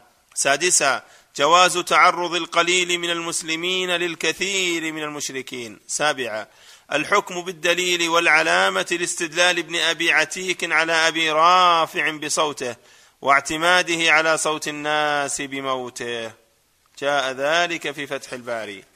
المبحث الرابع قصة ثمامة بن أثال الحنفي التاسع والتسعون بعد الأربعمائة. من حديث أبي هريرة رضي الله عنه قال بعث رسول الله صلى الله عليه وسلم خيلا قبل نجد فجاءت برجل من بني حنيفة يقال له ثمامة بن أثال سيد أهل اليمامة فربطوه بسارية من سوار المسجد فخرج إليه رسول الله صلى الله عليه وسلم فقال ماذا عندك يا ثمامة؟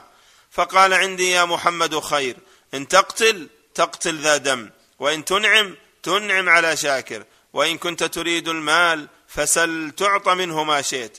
فتركه رسول الله صلى الله عليه وسلم. حتى كان من الغد. فقال عليه الصلاة والسلام ما عندك يا ثمامة؟ قال ما قلت لك. إن تنعم تنعم على شاكر. وإن تقتل تقتل ذا دم. وإن كنت تريد المال فسل تعط منه ما شئت. فتركه رسول الله صلى الله عليه وسلم حتى كان بعد الغد فقال ماذا عندك يا ثمامة؟ فقال عندي ما قلت لك. إن تنعم تنعم على شاكر وإن تقتل تقتل ذا دم وإن كنت تريد المال فسل تعط منه ما شئت. فقال رسول الله صلى الله عليه وسلم أطلقوا ثمامه. فانطلق إلى نخيل قريب من المسجد فاغتسل. ثم دخل المسجد فقال أشهد أن لا إله إلا الله وأشهد أن محمدا عبده ورسوله. يا محمد والله ما كان على الأرض وجه أبغض إلي من وجهك فقد أصبح وجهك أحب الوجوه كلها إلي. والله ما كان من بلد أبغض إلي من بلدك فأصبح بلدك أحب البلاد كلها إلي. وإن خيلك أخذتني وأنا أريد العمرة فماذا ترى؟ فبشره رسول الله صلى الله عليه وسلم وأمره أن يعتمر فلما قدم مكة قال له قائل أصبوت؟ فقال لا ولكني أسلمت مع رسول الله صلى الله عليه وسلم. ولا والله لا يأتيكم من اليمامة حبة حنطة حتى يأذن فيها رسول الله صلى الله عليه وسلم. اللفظ لمسلم وأخرجه البخاري. فوائد من قصة ثمامة. أولا جواز ربط الكافر في المسجد. ثانيا جواز المن على الأسير الكافر وتعظيم أمر العفو عن المسيء لأن ثمامة أقسم أن بغضه انقلب حبا في ساعة واحدة. لما أسداه النبي صلى الله عليه وسلم من العفو والمن بغير مقابل. ثالثا الاغتسال عند الإسلام كما فعل ثمامة حين أسلم. رابعا الإحسان يزيل البغض وينبت الحب. خامسا يشرع للكافر إذا أراد عمل خير ثم أسلم أن يستمر في عمل ذلك الخير. سادسا الملاطفة لمن يرجى إسلامه من الأسارى إذا كان في ذلك مصلحة للإسلام ولا سيما من يتبعه على إسلامه العدد الكثير من قومه. جاء ذلك في فتح الباري.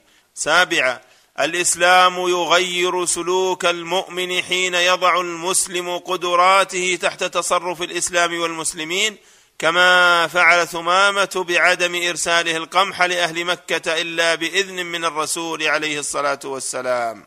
ثامنا ينبغي أن يخلع المؤمن على عتبة الإيمان وعند تركه للكفر كل علاقاته السابقة والتزامه بأوامر رب العالمين بعد إيمانه.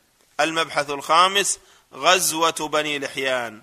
كانت في أوائل السنة السادسة للهجرة. على الصحيح كما قاله ابن كثير. جاء ذلك في السيرة النبوية لابن كثير. وقد صلى النبي صلى الله عليه وسلم بأصحابه صلاة الخوف لأول مرة بعسفان كما جاء في الخمسمائة. حديث أبي عياش الزرقي رضي الله عنه قال كنا مع رسول الله صلى الله عليه وسلم بعسفان. فاستقبلنا المشركون عليهم خالد بن الوليد وهم بيننا وبين القبلة فصلى رسول الله صلى الله عليه وسلم الظهر فقالوا قد كانوا على حال لو أصبنا غرتهم ثم قالوا تأتي عليهم الآن صلاة هي أحب إليهم من أبنائهم وأنفسهم. قال فنزل جبريل عليه السلام بهذه الآيات بين الظهر والعصر وإذا كنت فيهم فأقمت لهم الصلاة. قال فحضرت. فأمرهم رسول الله صلى الله عليه وسلم فأخذوا السلاح. قال فصففنا صفين. قال ثم ركع فركعنا جميعا. ثم رفع فرفعنا جميعا. ثم سجد النبي صلى الله عليه وسلم بالصف الذي يليه. والآخرون قيام يحرسونهم. فلما سجدوا وقاموا جلس الآخرون فسجدوا في مكانهم. ثم تقدم هؤلاء إلى مصاف هؤلاء وجاء هؤلاء إلى مصاف هؤلاء. قال ثم ركع فركعوا جميعا ثم رفع فرفعوا جميعا ثم سجد النبي صلى الله عليه وسلم والصف الذي يليه. والآخرون قيام يحرسونهم فلما جلس جلس الآخرون فسجدوا فسلم عليهم ثم انصرف. قال فصلاها رسول الله صلى الله عليه وسلم مرتين مرة بعسفان ومرة بأرض بني سليم. أخرجه أحمد. الأول بعد الخمسمائة. من حديث أبي هريرة رضي الله عنه قال إن رسول الله صلى الله عليه وسلم نزل بين ضجنان وعسفان.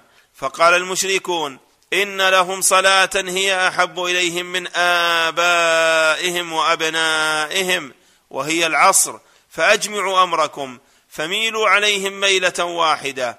وإن جبريل عليه السلام أتى النبي صلى الله عليه وسلم فأمره أن يقسم أصحابه شطرين فيصلي ببعضهم وتقوم الطائفة الأخرى وراءهم ليأخذوا حذرهم وأسلحتهم. ثم تأتي الأخرى فيصلون معه ويأخذ هؤلاء حذرهم وأسلحتهم لتكون لهم ركعة ركعة مع رسول الله صلى الله عليه وسلم ولرسول الله صلى الله عليه وسلم ركعتان. أخرجه أحمد. المبحث السادس. قصة العرنيين. الثاني بعد الخمسمائة. من حديث أنس رضي الله عنه قال إن ناسا من عكل وعرينة قدموا المدينة على النبي صلى الله عليه وسلم وتكلموا بالإسلام. فقالوا يا نبي الله إنا كنا أهل ضرع ولم نكن أهل ريف. واستوخموا المدينة أي لم يوافقوا جوها وكرهوها لسقم أصابهم. فأمر لهم رسول الله صلى الله عليه وسلم بذود وراع وأمرهم أن يخرجوا فيه فيشربوا من ألبانها وأبوالها. فانطلقوا حتى إذا كانوا ناحية الحرة كفروا بعد إسلامهم وقتلوا راعي النبي صلى الله عليه وسلم واستاقوا الذود أي الإبل. فبلغ النبي صلى الله عليه وسلم فبعث الطلب في آثارهم فأمر بهم فسمروا أعينهم أي كحلوها بمسامير محمية وفي لفظ سمل أي فقأها وأذهب ما فيها. فسمروا أعينهم وقطعوا أيديهم وتركوا في ناحية الحرة حتى ماتوا على حالهم واللفظ للبخاري. وأما رواية مسلم أن نفرا من عكل ثمانية قدموا على رسول الله صلى الله عليه وسلم فبايعوه على الإسلام فاستوخموا الأرض وسقمت أجسامهم فشكوا ذلك إلى رسول الله صلى الله عليه وسلم. فقال ألا تخرجون مع راعين في إبله فتصيبون من أبوالها وألبانها؟ فقالوا بلى. فخرجوا فشربوا من أبوالها وألبانها فصحوا فقتلوا الراعي وطردوا الإبل فبلغ ذلك رسول الله صلى الله عليه وسلم فبعث في آثارهم فأدركوا فجيء بهم فأمر فقطعت أيديهم وأرجلهم وسمر أعينهم ثم نبذوا في الشمس حتى ماتوا أخرجه البخاري.